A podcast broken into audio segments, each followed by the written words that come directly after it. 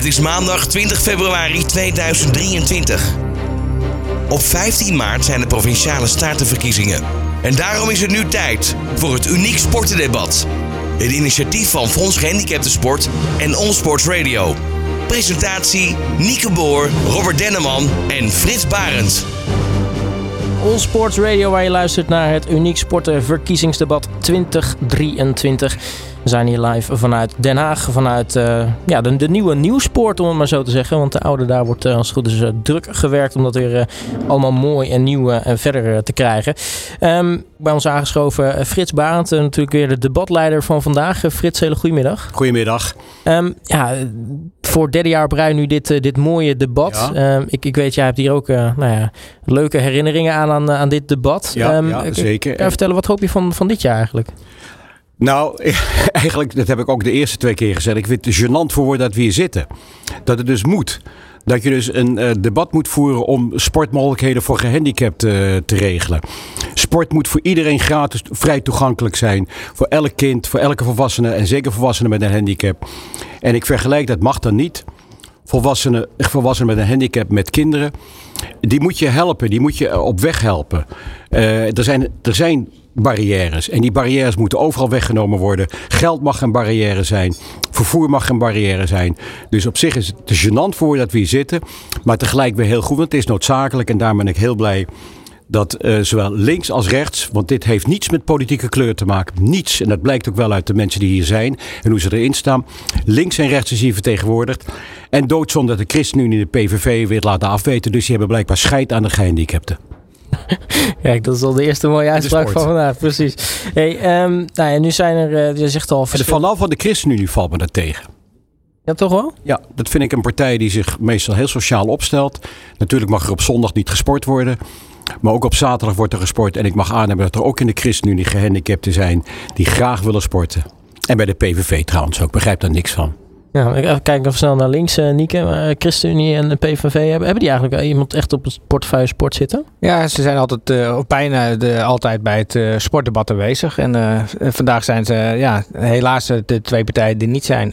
en Michiel van Nispatter van de SP graag bij geweest. En die is ook altijd bij het sportdebat aanwezig. En heeft maar die kon niet. Die kon niet, nee. anders. Die had, ja. die had zich ingediend. En die is zeer actief. Nee, daarom. dus dat, ja. dat is heel anders. En, maar anders had hij er ook nog geweest. En, en de andere kant van de medaille. Kijk, we hebben nu ook vijf partijen en Michiel die er graag bij zijn, hebben we er al zes. En dat is, uh, dan zie je toch, uh, Frits, ja. dat het er steeds meer worden. En dat is wel heel mooi. En de nieuwe partijen zoals Volt en Ja21, al die partijen, hoe staan die erin? Ja, die zijn eigenlijk nooit bij het sportdebat ook aanwezig. Dus, uh, dus van de partijen die ik net noem, ChristenUnie en, en PVV. PVV zijn er wel. Ja. Heel soms is ook, was 50 plus aanwezig. Maar de andere partijen zie je niet bij het sportdebat. En juist voor 50 plus is het toch ook ontzettend belangrijk dat je blijft sporten voor je, voor je mentale gezondheid. Absoluut, ja. ja, ja. Door de vergrijzing, ja. Ouderdom en, en, en handicap zitten ook dicht bij elkaar natuurlijk. Maar het blijkt ook weer typerend dat ook op de, je weet het, begroting, de cultuurbegrotingen. Sport is vaak de sluitpost. En dit is ongelooflijk. Sport is zo belangrijk voor de mentale en fysieke gezondheid van de hele mensheid. En zeker in deze tijd van corona is gebleken hoe belangrijk het is dat je blijft sporten. Het is ook op de begroting is sport vaak de sluitingspost. Ja, als je dan dat ook, blijft iets ergerlijks. Ja. Als je dan ziet dat je elke euro geïnvesteerd in sport 2,7 oplevert, ja. dan vraag je je toch af. Hè, ja, bij gehandicapten bedoel je? Nee, dit, dit, oh ja, nee, is algemeen. Nee, bij de mentale, met de volksgezondheid, dat is bekend. Maar natuurlijk, het is toch logisch. Als je sport, ben je toch gezond bezig. Ik bedoel, sport, als je beweegt, je, komt, je wordt uh, de obesitas. Je zal waarschijnlijk, als je actief sport, iets minder dik zijn dat je de hele dag chips voor de televisie zit te eten of ja. voor je computer. Nou ja, bij sporthulpmiddelen als die worden ingezet, daar hebben ze het wel specifiek voor mensen met een beperking berekend. Het is ja. zelfs 4,5. Dus, uh, ja. dus, ja, dat is nog groter. is nog groter. Dus uh, zo'n sporthulpmiddel inzetten is gewoon uh, zo belangrijk. Omdat je echt mensen, één uit het isolement maalt. je maakt ze fit. Maar uiteindelijk gaat het ook renderen. Nee, en ook, ik bedoel, ik ben bij de jaarlijkse open dag van de Johan Cruijff Foundation. Wat is ook voor de gehandicapten is. En de lach op het gezicht van mensen die kunnen sporten. Je hebt al een handicap, dus je hebt al een achterstand. En dan zie je al je vriendjes en vriendinnetjes als kind zie je allemaal dingen doen die jij niet kunt. Dan is er gelukkig op nu die sportmogelijkheid en dat zie je de lach op die gezicht van die kinderen. Dat is ook de motivatie van Cruijff geweest. Destijds in Washington. Hij woonde in Washington. En toen was er een, een uh, de kinderen waren aan het spelen. Was er één kind wat niet mee mocht spelen. Dat was gehandicapt. Toen zei Johan ook tegen zijn zoontje. Jordi, waarom laat je dat jongetje niet meedoen? Toen heeft hij dat kind een keer gewoon in het zwembad gegooid. En is hij met hem gaan zwemmen. En hij zegt het plezier van dat kind, dat is hem altijd bijgebleven. Dat is voor hem de motivatie geweest om die Johan Cruijff Foundation op te richten. Ja, en hij is ook toen met Special Olympics in aanraking gekomen. Ja, ja, ja, met, met Kennedy. Ja, ja, ja, ja, ja. met de Kennedy-familie. Ja, ja.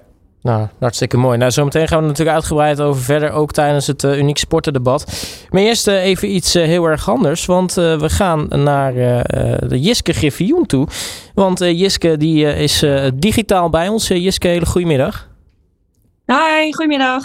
Ja, leuk om, om je te spreken. Zeker op zo'n speciaal moment als tijdens deze uitzending. Want nou ja, we gaan het hebben over, denk ik, überhaupt een, een, een, een, een prachtig moment in de geschiedenis voor het ABN AMRO Open. Uh, voor het eerst een, uh, een vrouwentoernooi. En daar mocht jij aan meedoen. Um, ja, allereerst de terugblik op uh, nou ja, het afgelopen jaar ook voor jou. Want nou ja, het begon een jaar geleden met nou ja, de Australian Open. Blessure, niet mee kunnen spelen. Twee maanden eruit. Net voor Roland Garros kreeg je corona. toenmalige coach en jij hebt een samenwerking verbroken na twaalf jaar. Dat zijn allemaal best wel heftige dingen die je allemaal in een jaar kan meemaken. Hoe ga je er eigenlijk allemaal mee om? Is het een knop omzetten of, heeft het wel wat langer de tijd nodig? Uh, ja, dat was wel een, een moeilijke periode uh, vorig jaar. Mijn doel bij mijn comeback was om weer terug te komen in de Grand Slams. Nou, dat lukte vorig jaar bij de Australian Open. Dus was het voor het eerst dat ik weer aan een Grand Slam deel mocht nemen ja, dan hoop je dat dat een hele mooie ervaring gaat worden. En dat, dat werd het even helemaal niet. Uh, die blessure zat toen onwijs tegen. Ik lag er twee maanden uit. Uh, ja, dan op dat moment uh, moet je vrij snel de knop weer omzetten en gaan kijken hoe kunnen we toch het beste uit deze periode gaan halen. En dat hebben we geprobeerd te doen. En het gaf mij eigenlijk de tijd om mijn spel weer een beetje vanaf de grond af aan op te bouwen. Uh, en blijkt het achteraf een hele mooie periode geweest te zijn, waarvan ik later in het jaar dan ja, de vruchten heb geplukt. Uh, dus er zat toen eigenlijk, vanaf dat ik in april weer toernooi ging spelen, best wel veel progressie in. Nou, toen kwam vlak voor uh, Roland Garros kwam eigenlijk de tweede klap die ik moest gaan verwerken. Ja, als sporter, je hebt geen keus. Je, je moet hem gaan verwerken. Je, je, krijgt corona. Je moet de samenwerking met je coach moet je beëindigen. Uh, ja, je moet toch een manier vinden om, om door te gaan en te blijven ontwikkelen. Uh, het is niet makkelijk geweest, maar het is wel gelukt. Nou, zeg dat, want halve finale Wimbledon, halve finale Australian Open van dit jaar. ook halve finale trouwens op de Masters vorig jaar. Eindigt dit jaar als, als, als vierde van de wereld. Nou, dan gaat het eigenlijk alleen ja. maar crescendo.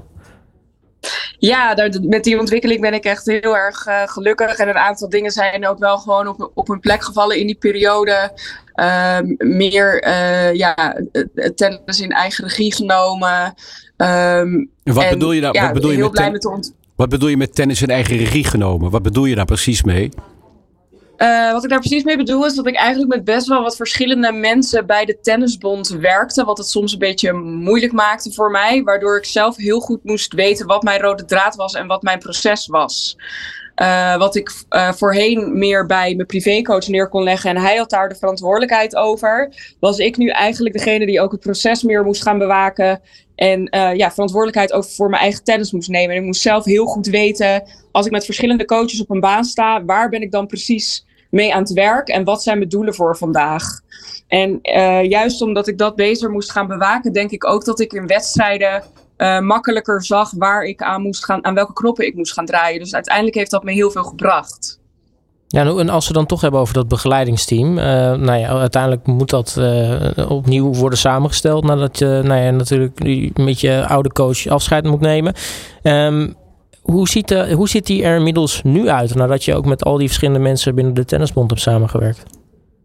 Uh, ja, nou gelukkig kan ik bij de Tennisbond uh, altijd goed terecht. En kan ik een groot deel van mijn trainingsprogramma daar draaien. Waar ook gewoon veel van mijn concurrenten zitten. Dus je hebt ook altijd goede sparringpartners. dus dat helpt enorm. ik moet zeggen, na de US Open ben ik begonnen met een nieuwe privécoach.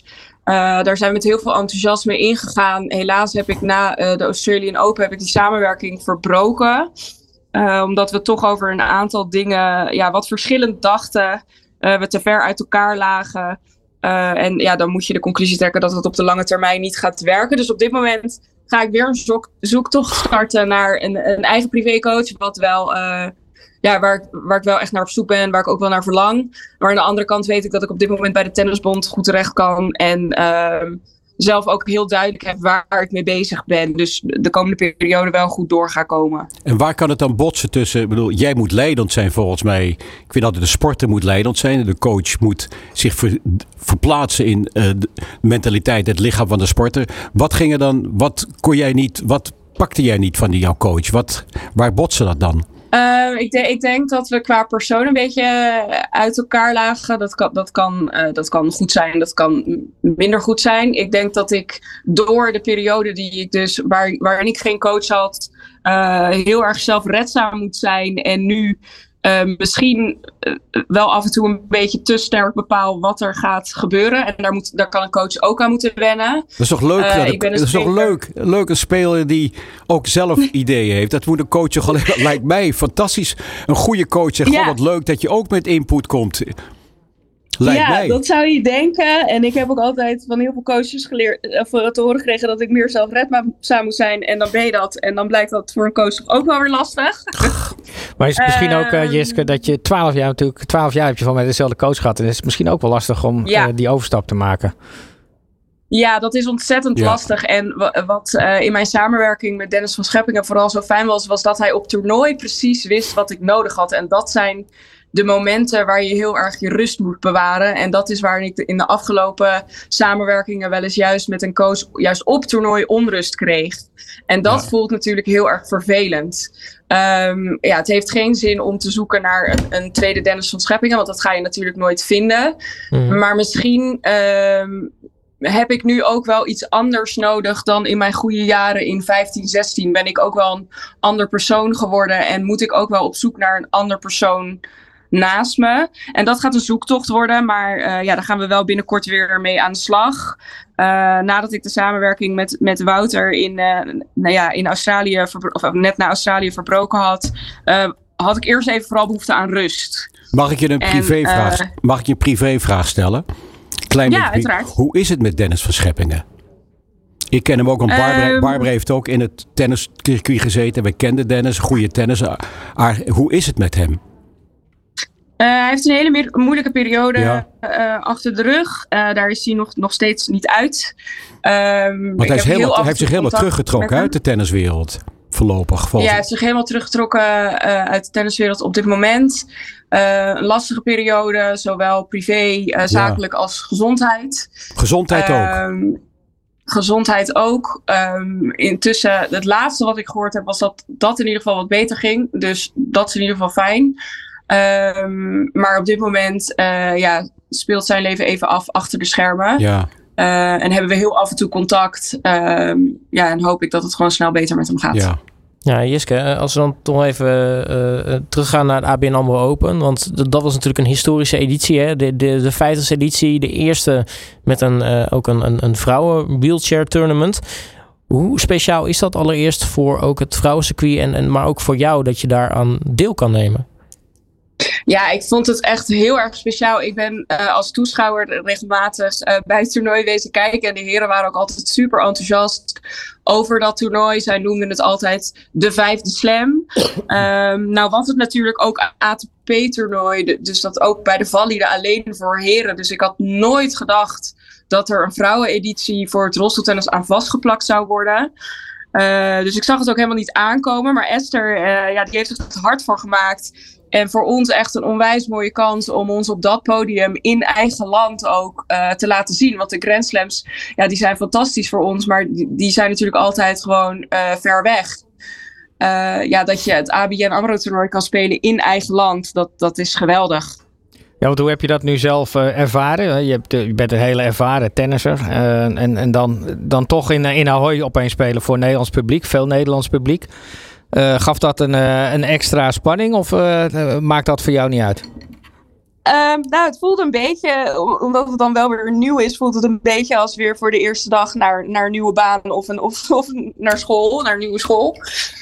je moet even je weg vinden. Je weet, je weet niks te vinden. Je weet niet waar de buspaller is. Je weet niet waar de gym is. Je weet niet waar het restaurant is. Uh, maar ook wel heel leuk, want ja, onze jaarkalender van tennis ziet er na elk jaar bijna hetzelfde uit. Dus dan kom je op toernooi en dan heb je meer het gevoel van, oh, daar zijn we weer. ja, nu was het weer even iets totaal nieuws. Ehm, was het extra spannend. Ik denk dat het heel erg te vergelijken is met de spanning van een Grand Slam. ja, ik keek er eigenlijk heel erg naar uit. En ja, dus ik genoot er eigenlijk wel heel erg van om daar te staan. Ja, in de eerste ronde uh, had, je, uh, had je een makkelijke uh, wedstrijd als ik naar de uitslag kijk. 6-0, 6-0.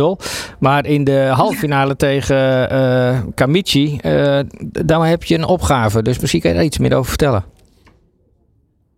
Ja, daar baalde ik echt enorm van. Want nou ja, zoals ik al zei, ik, ik genoot heel erg van het spelen in Ahoy. Ik had het heel erg naar mijn zin. mijn niveau was goed. De, de kwartfinale tegen Lizzie stond ik ook gewoon heel lekker te spelen. Um, maar die nacht werd ik al, uh, voor de halve finale werd ik al wakker en toen voelde ik al keelpijn. Mm. Oh jee. Uh, dus toen dacht ik, dit is niet helemaal oké. Okay. Uh, de volgende mm. dag bij wakker worden, ja, voelde ik me ook eigenlijk echt niet lekker. Um, maar je gaat het toch proberen. En ja, met inspelen merkte ik al dat de tank heel snel leeg ging. Ben ik ook eerder gestopt in de hoop dat ik nog wat uit die wedstrijd kon halen. Uh, maar ja, ik nam het op tegen de nummer 2 van de wereld, tegen, tegen Yui Kamiji. Ja, dan, dan heb je echt alles nodig om het die moeilijk te maken. En ik merkte eigenlijk al na, na een paar games dat de tank al volledig leeg was. Dus je was ook ziek? Je was, uh, je was gewoon ziek? Ja, ik was ziek. En um, ja, op, op een gegeven moment uh, had ik zelfs, kreeg ik een beetje duizelig en had ik het gevoel hmm. dat ik flauw ging vallen. Ja, toen, toen zat, er was gewoon echt niks meer te halen. En dan, dan moet je opgeven. Dat is iets wat ik niet graag doe. Uh, dus dat was echt heel erg jammer, want ik had het haar in de halve uh, ja, gewoon heel graag heel moeilijk gemaakt. En daarnaast zou ik ook voor het eerst samen met Yui Kamiji uh, in het dubbelspel uitkomen. En dat was ook echt oh, ja. iets waar ik heel erg naar uitkeek. Omdat ik denk dat wij een sterke combinatie kunnen zijn. Mm -hmm. dus dat, ja, dat viel even heel erg tegen. En daar, ja, daar ben je dan heel verdrietig over. En ja, helaas, het hoort er ook bij. En heb je uiteindelijk de, de finale nog gekeken? Want ik vond dat heel bijzonder. Want uh, de heren spelen al lang mee op de ABN Open. Uh, maar op het centercore hebben zij nog niet gespeeld. En de dames uh, hebben de primeur gehad om op zaterdag op centercore te spelen. Dus ja. Ja, dat was echt uh, geweldig dat ze die kans kregen. En uh, ja, op rolstoeltennis op centercourt. Ik hoop dat het echt iets is wat we vaker gaan terugzien. Uh, ik heb de wedstrijd wel wat gevolgd. Maar het grootste gedeelte van die dag lag ik slapend op de bank. Ja, en hoe is het nu met je? Hoe is het nu met je? het gaat gelukkig wel snel beter. Ik heb heel veel bijgeslapen en ik, ik, voel me nu wel weer oké. Okay. Nog een beetje verkouden, dat hoor je misschien ook wel. Maar verder uh, gaat het wel de goede kant op. Ja, en uh, als ik dan ook daar even toch naar de wedstrijd ga van uh, Kamichi tegen uh, Diede de Groot. Kamichi won de eerste set. Dus het was, uh, ja. dat was wel meerdere dingen was dat heel mooi. Want er was best wel, in het begin was er denk ik iets meer dan duizend man publiek aanwezig. Ja, Omdat mooi. ook een drie setter werd, kwamen er al ook heel veel mensen binnenlopen die voor de halve finale heren kwamen. dus op een gegeven moment, ik denk toch echt dat er 2000 man publiek was. En ja, dat is toch wel een hele mooie sfeer om dan zo'n belangrijke wedstrijd te spelen. Ja, dat is geweldig. En uh, ja, een hele, hele spannende wedstrijd. Jullie maakte de laatste tijd die de groot elke keer heel erg lastig. Ik geloof dat de laatste vier wedstrijden drie setters zijn geweest. Ja. Uh, en, en ja, dat voor eigen publiek. Uh, als, als de wedstrijd van het rolstoeltennis uh, goed ge, gescheduled worden. En die zijn inderdaad voor belangrijke valide wedstrijden. Dan zie je inderdaad dat het publiek toch wel ook al komt kijken. En daarvan geniet. Het zijn tennisfans rolstoeltennis te laten zien. Je ziet dat als een toernooi alleen rolstoeltennis heeft, dat het nog steeds moeilijk is om mensen naar een stadion te krijgen. Maar als het, ja, het tennispubliek al op de venue aanwezig is, ja, dan vinden ze het geweldig en dan blijven ze ook zitten. En dan worden ze echt zo'n wedstrijd ingetrokken. En ja, dat is de manier waarop ze kennis moeten maken met het rolstoeltennis. Want in het echt is het toch spectaculairder dan dat je het op tv ziet, denk ik. Ja, ja het moet gewoon de standaard worden. Ik vind het echt ja. een prachtig voorbeeld. En wat is jouw plaats op de ranking op dit moment, de world ranking? Jiske? Uh, ik sta op dit moment uh, vier in het enkelspel. Vierde. Wat, waar, hoe verklaar je dat Nederlanders bij het uh, vrouwenrolstoeltennis zo vooraanstaande rol spelen? Begon met Esther, Diede, Diede de Groot, ja, Esther Vergeer. Hoe verklaar je dat? Uh, ik denk wat ons heel erg sterk maakt, uh, is dat wij uh, heel erg de bereidheid hebben om met elkaar te blijven trainen. Ja. Ondanks dat we elkaars grootste concurrenten zijn. Uh, dat wordt ook vanuit de Tennisbond heel erg aangemoedigd. Uh, ik moet ook zeggen dat wij als dames gewoon ook heel veel tegenover de heren staan. Oh, goed, ja. Dus zelfs daar is de bereidheid van om met ons te trainen. Ik denk dat ja, zeker damestennis daar enorm op meelift. Nou, dat is goed om te horen. Want uiteindelijk in Nederland, ja, we domineren de sport al jaren. Maar laten we hopen dat we dat ook eh, de komende jaren natuurlijk blijven doen. Uh, tot slot, uh, Jiske. Ja. Um, nou ja, dit was dan een editie uniek. Heel erg leuk. Je hebt er natuurlijk aan deel kunnen nemen. Maar alleen het, het einde was wat minder dan, ja. dan je had gehoopt. had je kunnen, had je ja, kunnen winnen als je fit was? nou, kunnen winnen. De, ik stond er wel heel goed bij en ik voelde me heel goed. Uh, winnen, ja, dat, dat, dat, dat weet je natuurlijk nooit. Nee. Uh, maar ik denk dat, we het, dat ik het zowel in het enkelspel als in het dubbelspel, dat, we het, ja, dat ik het heel moeilijk had kunnen maken. En dat maakt misschien ook wel de teleurstelling zo groot. En waarom is er geen, uh, waarom is, waar, volg, je, volg je geen damesdubbel met Diede? Diede de Groot, dat jullie een Nederlands damesdubbel hebben? Ja, ja, Diede en Aniek, die spelen eigenlijk al uh, heel lang samen. Oh, ja, die hebben die ja. afspraak gemaakt. Oké, okay, ja. Ja. Uh, ja, ik moet ook zeggen dat ik me eerst wel weer omhoog moest werken voordat ik uh, ja, misschien daar aanspraak op zou kunnen maken. Maar ik, ja, ik zou het ook wel heel graag een keer met, met, met Joey willen proberen eigenlijk. En we zijn wel in overleg om te kijken of dat misschien bij toekomstige toernooien nog kan gaan gebeuren. Dus wie weet komt het nog. Oké. Okay. Wie, wie, weet, inderdaad. tot slot inderdaad, ehm, ja, volgend jaar dan hopelijk een nieuwe editie. Uh, waar jij dan ook uh, hopelijk niet ziek hoeft uh, uit te vallen. Um, maar wat, wat, wat, zit er nu eigenlijk voor jou aan te komen de komende tijd? ik vertrek 5 maart weer richting Amerika. Dan hebben we daar een aantal toernooien. Uh, dan hebben we in, even kijken, richting april gaan we richting Azië. En ja, dan, begint, de, dan beginnen de reeksen in Europa weer richting Roland Garros Wimbledon. En ja, daar ligt voor mij ook de focus op, ja, weer op de slams. Dus ik heb nu ook weer even een wat langer blok om aan wat dingen te gaan werken. En te, te, kijken hoe ik weer de stap richting ja, Kamiji en Dide, die ja, naar mijn idee nu wel een beetje gelijkwaardig zijn qua niveau, om die te gaan maken. Nou, check. Uh, Jiske, mag ik je hartelijk danken voor je tijd, uh, voor je deelname dit, uh, dit unieke programma ook. En heel erg veel succes met wat er gaat komen. Ja, dankjewel. Succes. Alle sporten van binnenuit. All Sport Radio. Nou ja, we, zijn, we gaan bijna beginnen aan het, aan het debat. We gaan ons opmaken voor, voor stelling 1. Maar eerst nog even Um, nou ja, toch even naar jou toe ook, uh, Frits, als uh, debatleider. Jij gaat zo meteen natuurlijk een belangrijke rol uh, vervullen. wat, wat hoop jij eigenlijk uit het debat vandaag te halen? Nou, ik hoop. er is een streefdatum van 2013. 30. Dat gehandicapte sport volledig gefaciliteerd en geaccepteerd is. Maar eigenlijk hoop ik dat we volgend jaar al niet meer dit debat hoeven te voeren.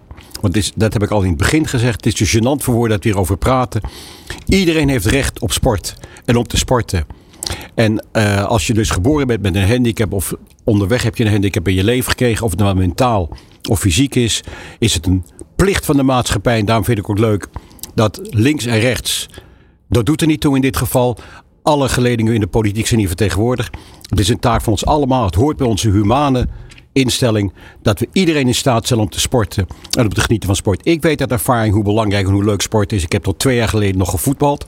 Vraag niet op wat voor niveau. Maar het is het leukste wat er is. En het zorgt ervoor dat je ja, vrij in je hoofd bent. Ik, als ik gefietst heb, ik fiets nog regelmatig. En ik had net even een debat over of uh, Medvedev gisteren die uh, in, in Ahoy had mogen tennissen, aan Rus. Met mijn vriend Dirk Sauer fiets ik veel. Debat over. Maar dan fietsen we en dan, hebben we en dan is, is onze geest vrij. Je kunt ook lekker debatteren op de fiets. Maar sport alsjeblieft. En daarom is het heel goed. En vooral voor gehandicapten. Ik heb al eerder gezegd, ik ben wel eens bij de, of elke dag, elk jaar bij de Open Dag van de Johan Cruijff Foundation. Het plezier wat de gehandicapte sporters hebben aan sporten. Maar ook wat de ouders en de broers en de zusjes hebben. Die allemaal toch een zorg hebben als je een gehandicapt kind bij je hebt. Dat is een zorg van de, van de broertjes, van de zusjes, van de ouders, van de grootouders. En als je ziet wat het plezier je gehandicapten geeft met sporten. Worden net die de groot, hoe zij, nou ja, alsof er niks aan de hand is. Dat vind ik zo ontzettend knap. En zo zou het moeten zijn. Gehandicapt of niet, je hebt recht op te sporten wat ieder, wat ieder kind heeft. En daar vind ik het heel belangrijk en ontzettend goed dat deze partijen vertegenwoordigd zijn. Vind ik het ontzettend jammer nogmaals dat de ChristenUnie en eh, PVV hier niet uh, zijn. Slap. van die partijen. Ja, precies. Als we dan nog even kort, want jij uh, stipte die missie 2030 al aan. Uh, toch even kort naar jou toe, Nieke. kun je die missie 2030 uitleggen? Ja, Fonds Gehandicapsport uh, wil met Uniek Sport eigenlijk bereiken dat in 2030 Fonds Gehandicapsport overbodig is. En dat betekent dat het platform Uniek Sport zichzelf in stand kan houden. En dat iedere Nederlander weet als hij een beperking heeft en wil gaan sporten, dat hij daar alles kan vinden. Of het nu de club is, of de vrijwilliger, of het vervoer, of een sporthulpmiddel. Welke vraag er dan ook is, daar kan je het vinden. En het mag geen barrière meer zijn. En iedereen kan zo dicht bij huis sporten. Dan, zou, dan kan wat mij betreft Fonds Gehandicaptensport stoppen. En dat geldt eigenlijk voor elk goed doel in Nederland. Uh, we zijn natuurlijk, uh, we bestaan omdat er een aantal zaken nog blijven liggen en die moeten worden opgelost. Maar wij hebben wel een duidelijk uitpunt. Nou, we zitten in de, in de, in de, in de Tweede Kamergebouw. Dus als, uh, als iemand vraagt, bestaat mijn baan straks nog? Dan zeg je, ja, ik hoop het niet. Nee, ik hoop het niet. dan uh, word ik in 2030 word ik gewoon vrijwilliger op een, uh, op een ander gebied. Want er valt nog genoeg te realiseren. En ik denk na 2030 ook. in de stellingen zit het ook al. Er zijn echt nog heel wat uitdagingen. iets anders is ook dat ook de maatschappelijke organisaties in de sport zich aan het organiseren zijn. Want het gaat nu over gehandicaptensport, maar ook voor kwetsbare groepen in het algemeen. Ja. Moet er nog echt heel veel gebeuren. Hartstikke mooi. Nou, als ik naar rechts kijk en naar links volgens mij uh, en aan de tafel is, uh, is iedereen er klaar voor. Dus ik zou zeggen laten we gaan naar de eerste stelling. All Sports Radio en Fonds Gehandicapten Sport presenteren het Uniek Sportendebat. Live vanuit perscentrum Nieuwsport in Den Haag. Ja, de eerste stelling, uh, voordat we daarmee gaan beginnen, toch even een korte introductie. Want uh, nou ja, we, we, hebben natuurlijk net in het begin al de mensen uh, voorgesteld, of in ieder geval gezegd wie er te gast zijn. Maar laten we toch even de mensen zelf aan het woord laten. Misschien wel een mooi idee. en dan begin ik met iemand die nou ja, voor ons in, bij het debat een nieuw gezicht is. Mohamed Mohadis van de P van de A. Welkom in ons midden. Dankjewel. Um, ja, hoe is het om aan dit debat deel te gaan nemen? Wat, wat, wat proef je van tevoren? Is er een beetje wedstrijdspanning?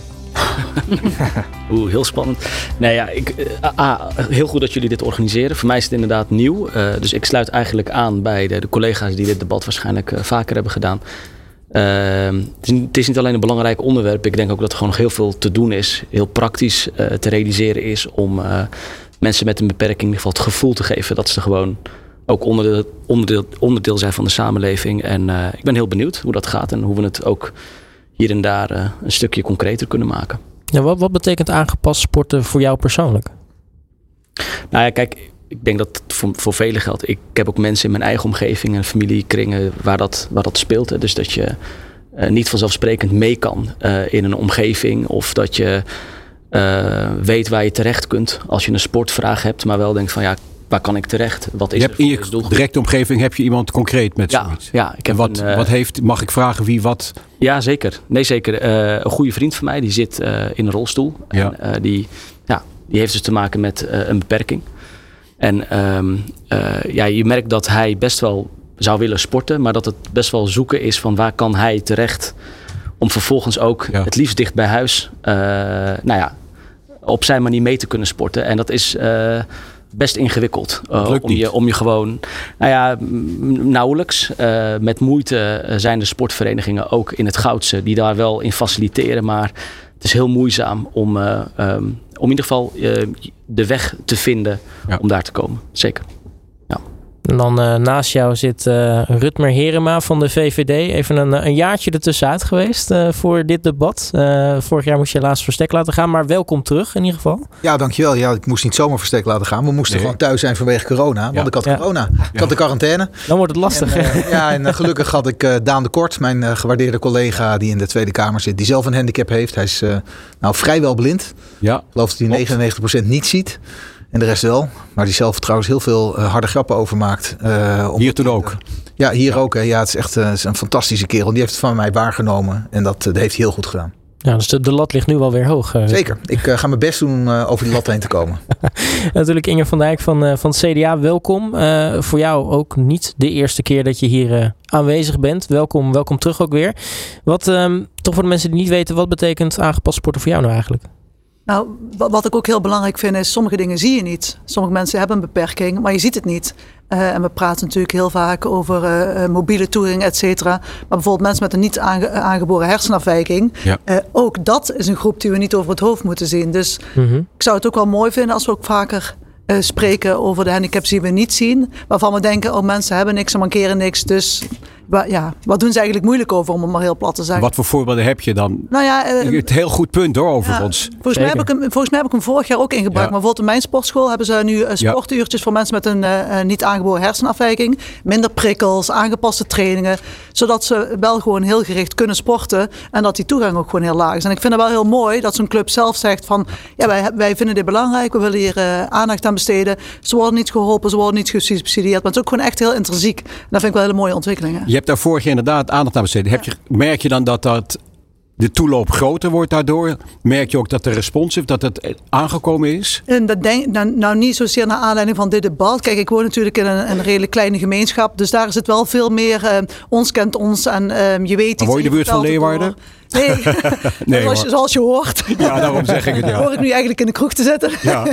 nee, nee, maar bij ons is het veel meer uh, hearsay. Hey, weet je dat ze daarmee bezig zijn? Is misschien voor jou interessant van, goh, jij kent natuurlijk ook iemand. Dus dat is, wat, ja, dat is vaak ook een hele effectieve manier om te communiceren en om die groep groter te maken. Soms beter dan welke overheidscampagne dan ook. En is er dan een financiële drempel of helpen u daar ook bij? Um, um, daar praten ze niet over. Maar ik weet wel dat in deze club um, dat we elkaar ja, er zitten een paar honderd man zijn er lid van. We, kennen elkaar redelijk en ik weet ook dat er geholpen wordt, zal ik maar zeggen. Mooi. En dat is ook prima. Ja. Dan uh, naast jou zit dan weer uh, Jeannette van der Laan van uh, D66. Jeannette, voor jou ook weer welkom terug. Um, wat, wat, wat vind jij nou het meest bijzondere aan zo'n debat waar het gaat over aangepast sporten? Want dat is denk ik niet een debat wat je alledaags voert.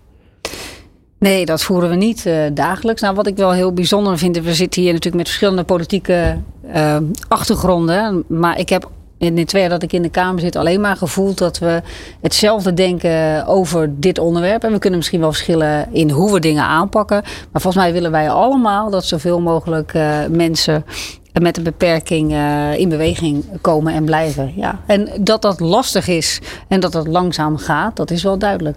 Ja, maar dat, dat is denk ik ook het meest of het leukste van zo'n onderwerp als aangepast sport. Is eigenlijk iedereen staat er wel hetzelfde in. Uh, ondanks de, de politieke achtergrond, zoals je zegt. Maar het is inderdaad alleen de manier van aanpakken en, en hoe het dan moet gebeuren, waar natuurlijk wel enigszins verschil in zit. Ja, ja klopt. Nou, Lisa Westerveld, tot, tot slot van uh, GroenLinks. Uh, voor jou ook welkom terug. Yes. Um, wat betekent aangepast sporten voor jou? Nou, volgens mij draait het in onze hele samenleving om. En wordt onze samenleving veel mooier als gewoon iedereen kan meedoen. Als we niet mensen in hokjes verdelen. Als kinderen gescheiden van elkaar opgroeien, gescheiden van elkaar spelen. Maar je leert veel van elkaar. En je leert veel van verschillen van elkaar. En daarmee bedoel ik dus dat we er juist voor moeten zorgen dat gewoon iedereen kan meedoen met sporten. In plaats van dat je het ook allemaal weer apart van elkaar gaat, gaat organiseren. Ja. Want onze samenleving wordt daar mooier van. En ik denk dat we daar ook dat we dat ook wel in onze. Nou, met deze woordvoerders zien we dat ook wel. Ik bedoel, mensen worden niet zomaar woordvoerder sport. Je doet dat omdat je zelf wat hebt met het onderwerp. Wat heb jij daarmee? Nou, ja, nou ja ik, ik sport zelf uh, ook, net als volgens mij iedereen aan deze, aan deze tafel. Ik voetbal al, uh, al heel erg lang. Um, en ik hou natuurlijk van sporten, maar ook niet per se alleen maar omdat sport gewoon fijn voor je is om te bewegen en fit te blijven. En inderdaad eruit te zijn, de natuur in te gaan. Maar ook omdat het een plek is waar iedereen tegenkomt. Als ik op het voetbalveld sta en daarna naar de kantine ga, dan kom ik daar heel andere mensen tegen als die ik naar hier in Den Haag tegenkom. No offense trouwens naar andere mensen of naar jullie. Maar je leert gewoon ontzettend. Je blijft gewoon met beide benen op de grond staan op het moment dat je ook op die manier nou, in je eigen gemeente nog lekker aan het sporten en bewegen bent. Dat doe je met elkaar, dat doe je samen.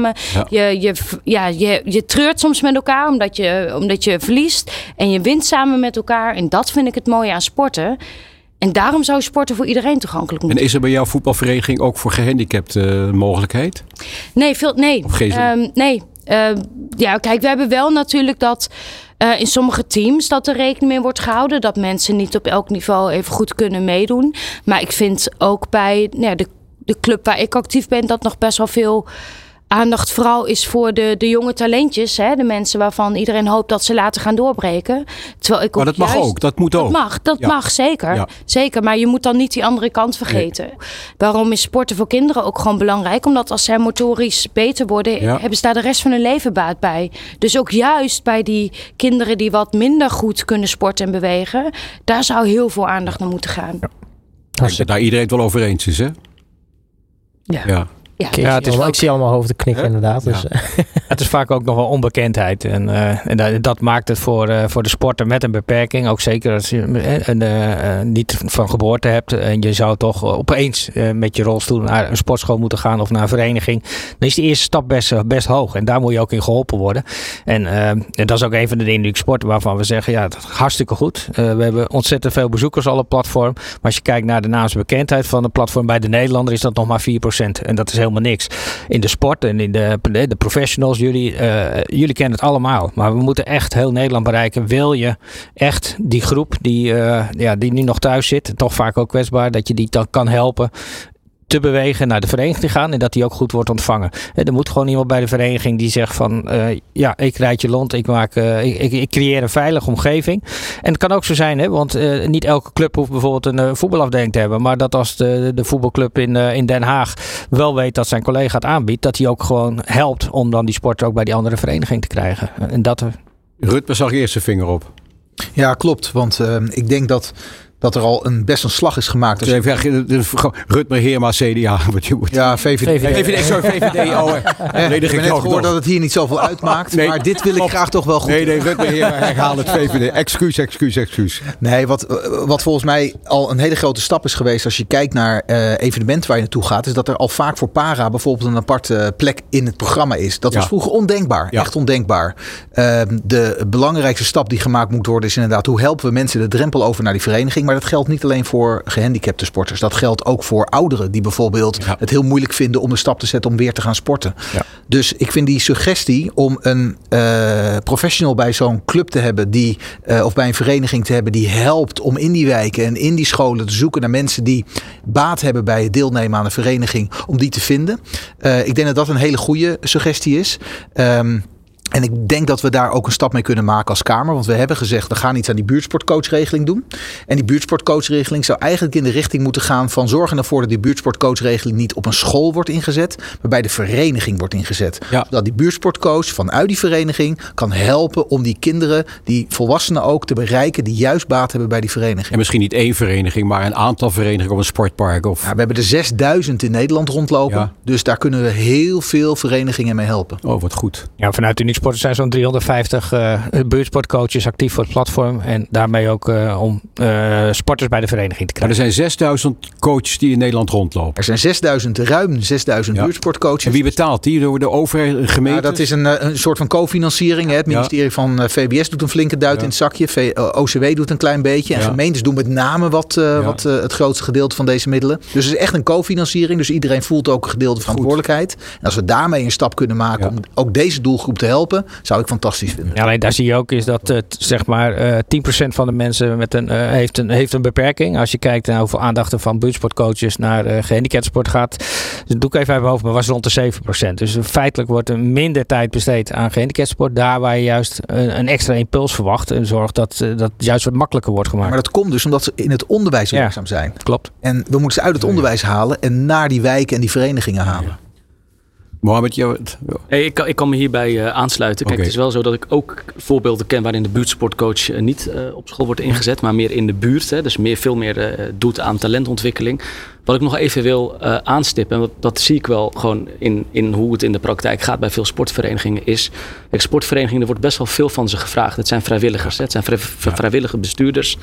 En dat snap ik. Hè. Ze moeten dingen doen rondom sociale veiligheid, rondom inclusie, rondom en, en, wat, en, wat, ik merk is dat die bestuurders best wel het moeilijk vinden om te zeggen: joh, luister eens, er wordt van alles van ons verwacht. Maar wij zijn ook maar gewoon mensen die dit naast hun werk doen op de zaterdag. Dus daar moeten we gewoon ogen voor hebben als wij van alles verwachten van die sportverenigingen. Dat is prima, dat is goed. Maar besef wel dat het gewoon vrijwilligers zijn. En of ze dat gewoon kunnen. Of dit niet een zorgvraagstuk is wat groter is dan, dat dan henzelf. Dat is gewoon iets wat ik uh, uh, wil onderstrepen. En de andere punten is het inclusief. Goeie vraag. Ja, ja goed. Kijk, het, het, kijk het, ik merk gewoon zelf, eh, laat ik bij mezelf houden. Het, de mindset, het is, je moet altijd bedenken dat. Um, dat er dus mensen zijn die met een zichtbare of een onzichtbare beperking niet mee kunnen doen. En die mindset is er niet altijd. Dus ik, oh, oh, ja, van hebben we daarover nagedacht? Hebben we daar überhaupt aanbod voor? Um, uh, ik zie ook bij heel veel bij gemeenten. Er werken heel weinig, uh, laat ik de eigen gemeente Gouda noemen, heel weinig mensen met een beperking. Zodat ze ook snappen van hé, hey, er is een doelgroep die je op andere manieren kan benaderen. En Ik denk dat ja, als je zegt we moeten naar een inclusieve samenleving. Ik vind de overheid zelf niet representatief qua inclusief zijn. En dat vind ik best wel een ding waar we nog best wel meters mogen maken. Ja, heel kort nog even, want ik heb de academie lichamelijke opvoeding gedaan en daar leerde je met een, een soort van diversiteit in de klas omgaan. Ja. Maar je leert niet alles, want er is ontzettend veel diversiteit in die klas. Maar je leert pas hoe ermee om te gaan als je het tegenkomt in de klas. En dat is denk ik heel belangrijk. Wij kunnen hier in Den Haag ook van allerlei dingen bedenken hoe we met deze doelgroep om uh, moeten gaan. Maar uiteindelijk gaat het erom, als een vereniging het tegenkomt dat iemand zich meldt met een beperking en zegt ik wil hier graag sporten, dan gebeurt er zoiets op zo'n vereniging.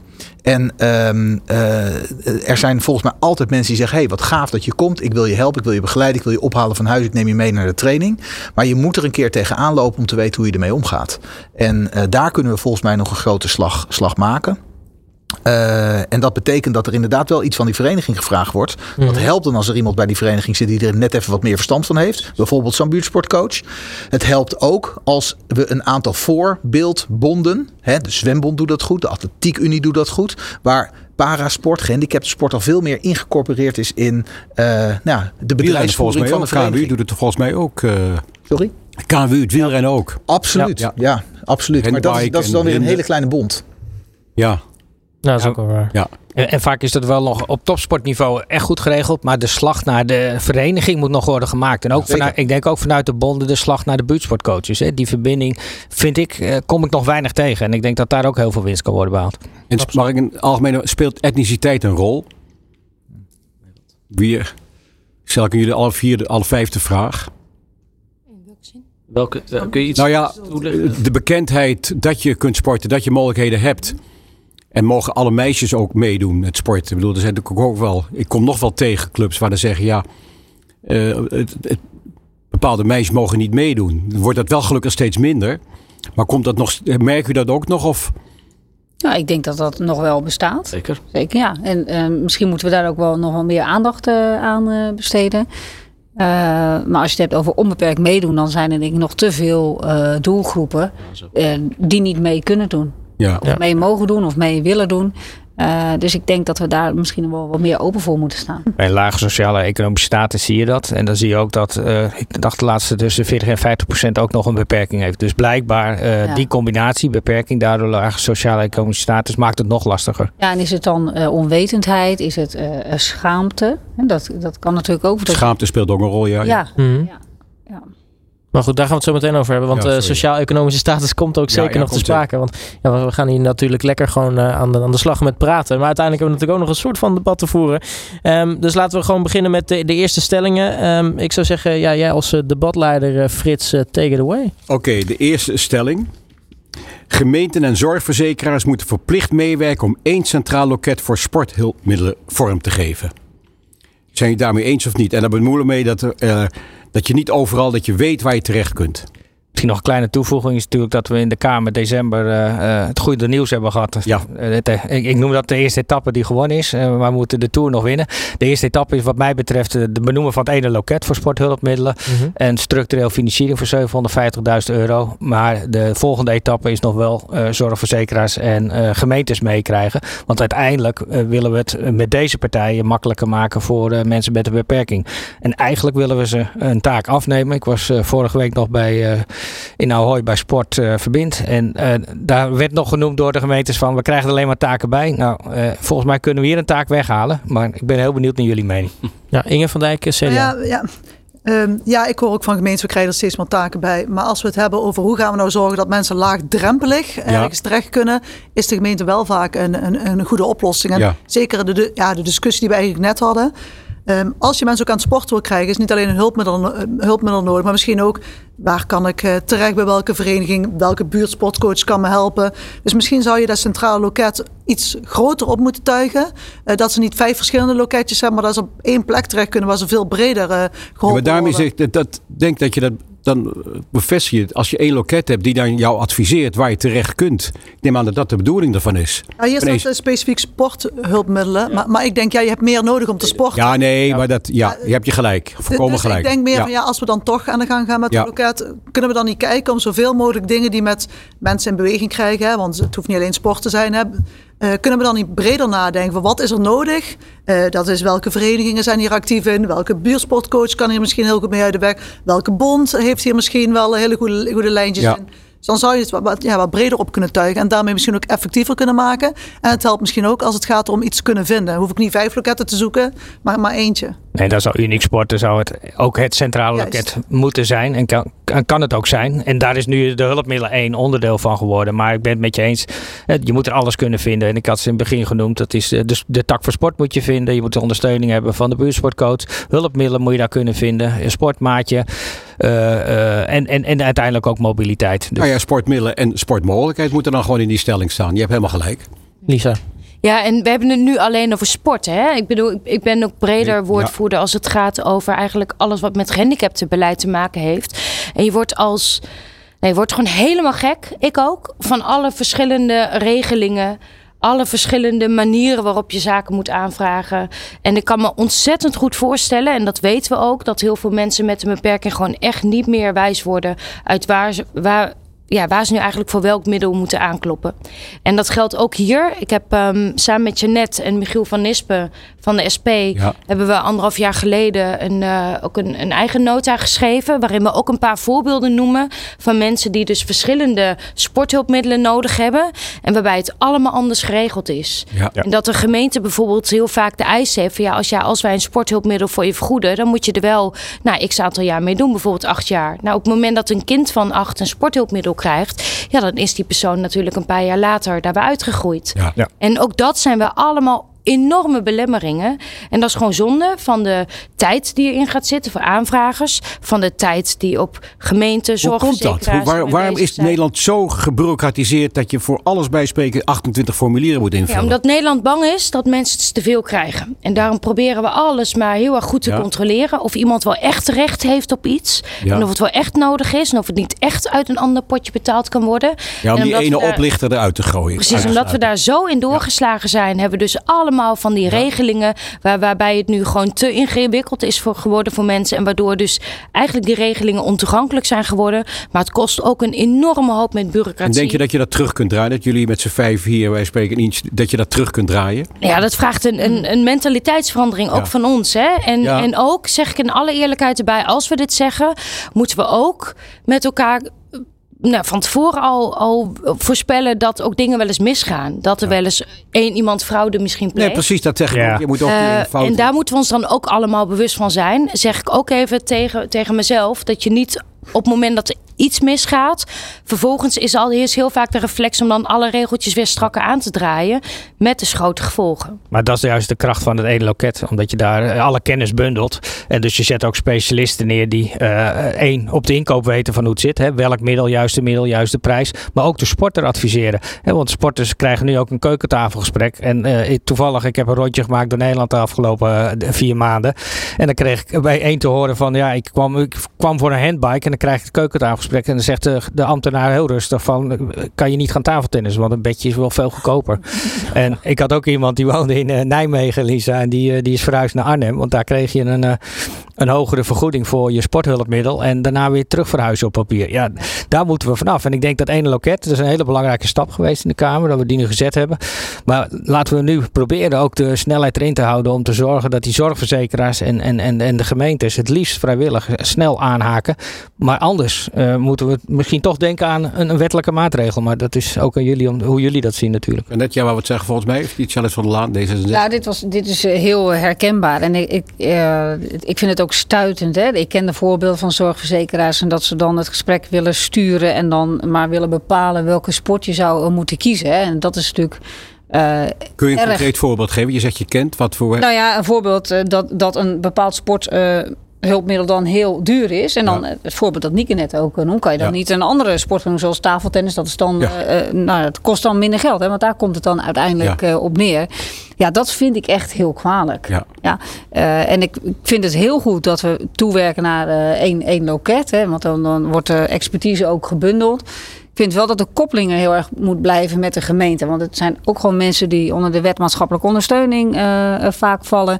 Waar de gemeente een belangrijke rol uh, in heeft. Dus dat moet wel, wel samenvallen. maar kan wel iets sneller. Ja, het gaat wel traag. Dat Herema, VVD? Nou, ik, ik zit hierover na te denken, maar eigenlijk verwacht, zegt zo'n ambtenaar, dus kan je, niet, kan je niet even een andere handicap hebben? Dat komt ons beter uit. Ja. Dat, is, dat is te belachelijk voor woorden als je erover nadenkt. Um, ik vind trouwens wel dat er voor bureaucratie vrij snel naar de overheid gekeken wordt, terwijl heel veel papierwerk ook gewoon op andere niveaus plaatsvindt. Of dat nou bij een zorgverzekeraar is of bij een gemeente is, dat is niet altijd bij de landelijke overheid.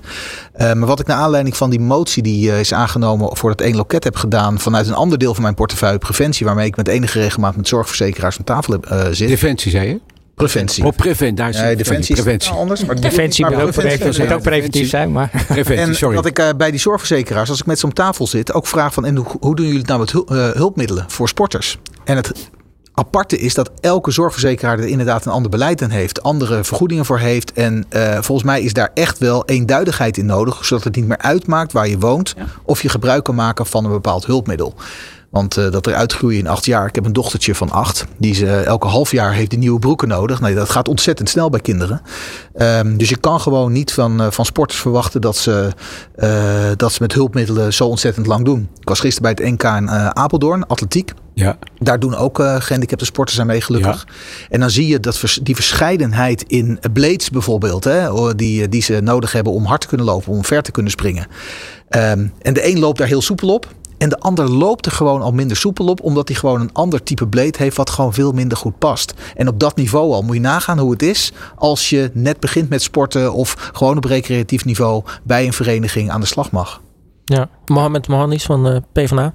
Ja, uh, nog even over die loketten-discussie. Ik word er altijd een beetje cynisch van als we het weer over een loket hebben. Want ik, we hebben bij best wel veel beleidsonderwerpen, dan willen we een loket. En dan hopen we het, en dan hopen we oprecht dat het gaat zoals we dan hopen dat het gaat. Dat mensen er naartoe kunnen en dat ze ook geholpen worden. En wat je in de praktijk vaak ziet, is dat hulploketten, of, of, nou, of het nou een jongerenloket is, of een gehandicapte loket, of een, nou, noem maar op is dat het ook vaak, vaak weer doorverwijzen is naar andere instanties. Als een hulploket of één loket een doorverwijsloket wordt naar andere instanties, nee. ja, daar schiet niemand wat mee op. Dus dan moet het ook een loket zijn waar je ook echt, uh, nou ja, alles kunt krijgen en dat je ook wordt geholpen en dat je verder komt met je hulpvragen. En als het is van, nou, je moet je daar naartoe of je moet daar naartoe. Het bekende kastje ja, naar de muur. Ja, dat, weet je, maar, dat, maar het werkt niet. Kijk, we moeten uitkijken dat we met een loket iets oplossen, terwijl de praktijk vaak nog ingewikkelder is.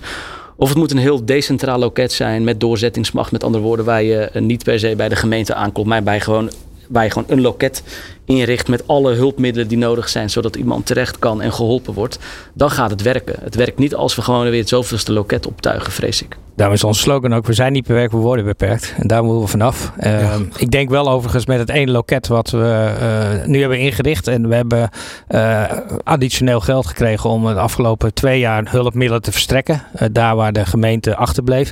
We hebben er nu ruim, nee ja, we zijn over de 500 hulpmiddelen heen. Dus we hebben inmiddels heel wat ervaring opgedaan. En wat je nu wel ziet is dat per maand er al 50 verzoeken voor een sporthulpmiddel bij ons binnenkomen. Zonder dat we dus eigenlijk communiceren. Er 600 per ik, ik, en, ik, en ik vind dit op zich een goede ontwikkeling. Kijk, waar mijn, waar mijn kritiek zit, zit hem vooral bij gemeenten die steeds meer ook in loketfuncties werken, maar in de praktijk. Of het nou jongeren uh, is die een hulpvraag hebben met werk, schulden, uh, jongeren met een beperking. Is dat heel veel gemeenten eigenlijk, en dat hoor ik ze niet eerlijk zeggen, het gewoon niet aankunnen. Ze kunnen die vraag helemaal niet aan. Laat staan nog dat ze heel erg maatwerk kunnen leveren als een jongere een, een, een hulpvraag heeft. En ik zou minder loketten willen bij een, ja, bij een gemeentelijke publiekzaken. Ik zou meer hulploketten willen op de plekken waar, waar het gebeurt. Het kan bij een sportvereniging zijn, ja. het kan op andere plekken zijn. Dus je bent voor meerdere loketten? Nou ja, ik ben niet tegen loketten, maar wel loketten waar je wordt geholpen ja, met ja, de ja, goed, en, ja, en, en, gebundeld en al. En niet nou ja, voor, een medewerker grote, die weer een lijstje... Sport, op grote sporten, je hebt grote, Bijvoorbeeld. We hebben prachtige grote sportparken in Nederland. Absoluut, ja. Zou daar dan... Als daar die vraag... Uh, en, uh, maar ook... Um, de oplossing voor die vraag dichterbij kan ja. komen, ja prima. Maar ik ben ja, heel erg tegen idee. een soort van verbureaucratisering van het loketdenken, wat heel erg bij overheden zit, lokale overheden. Nou, ik heb een groot hart voor een lokale overheid, maar heel veel vragen kunnen ze gewoon niet aan. Of ze hebben de mensen er niet voor in huis.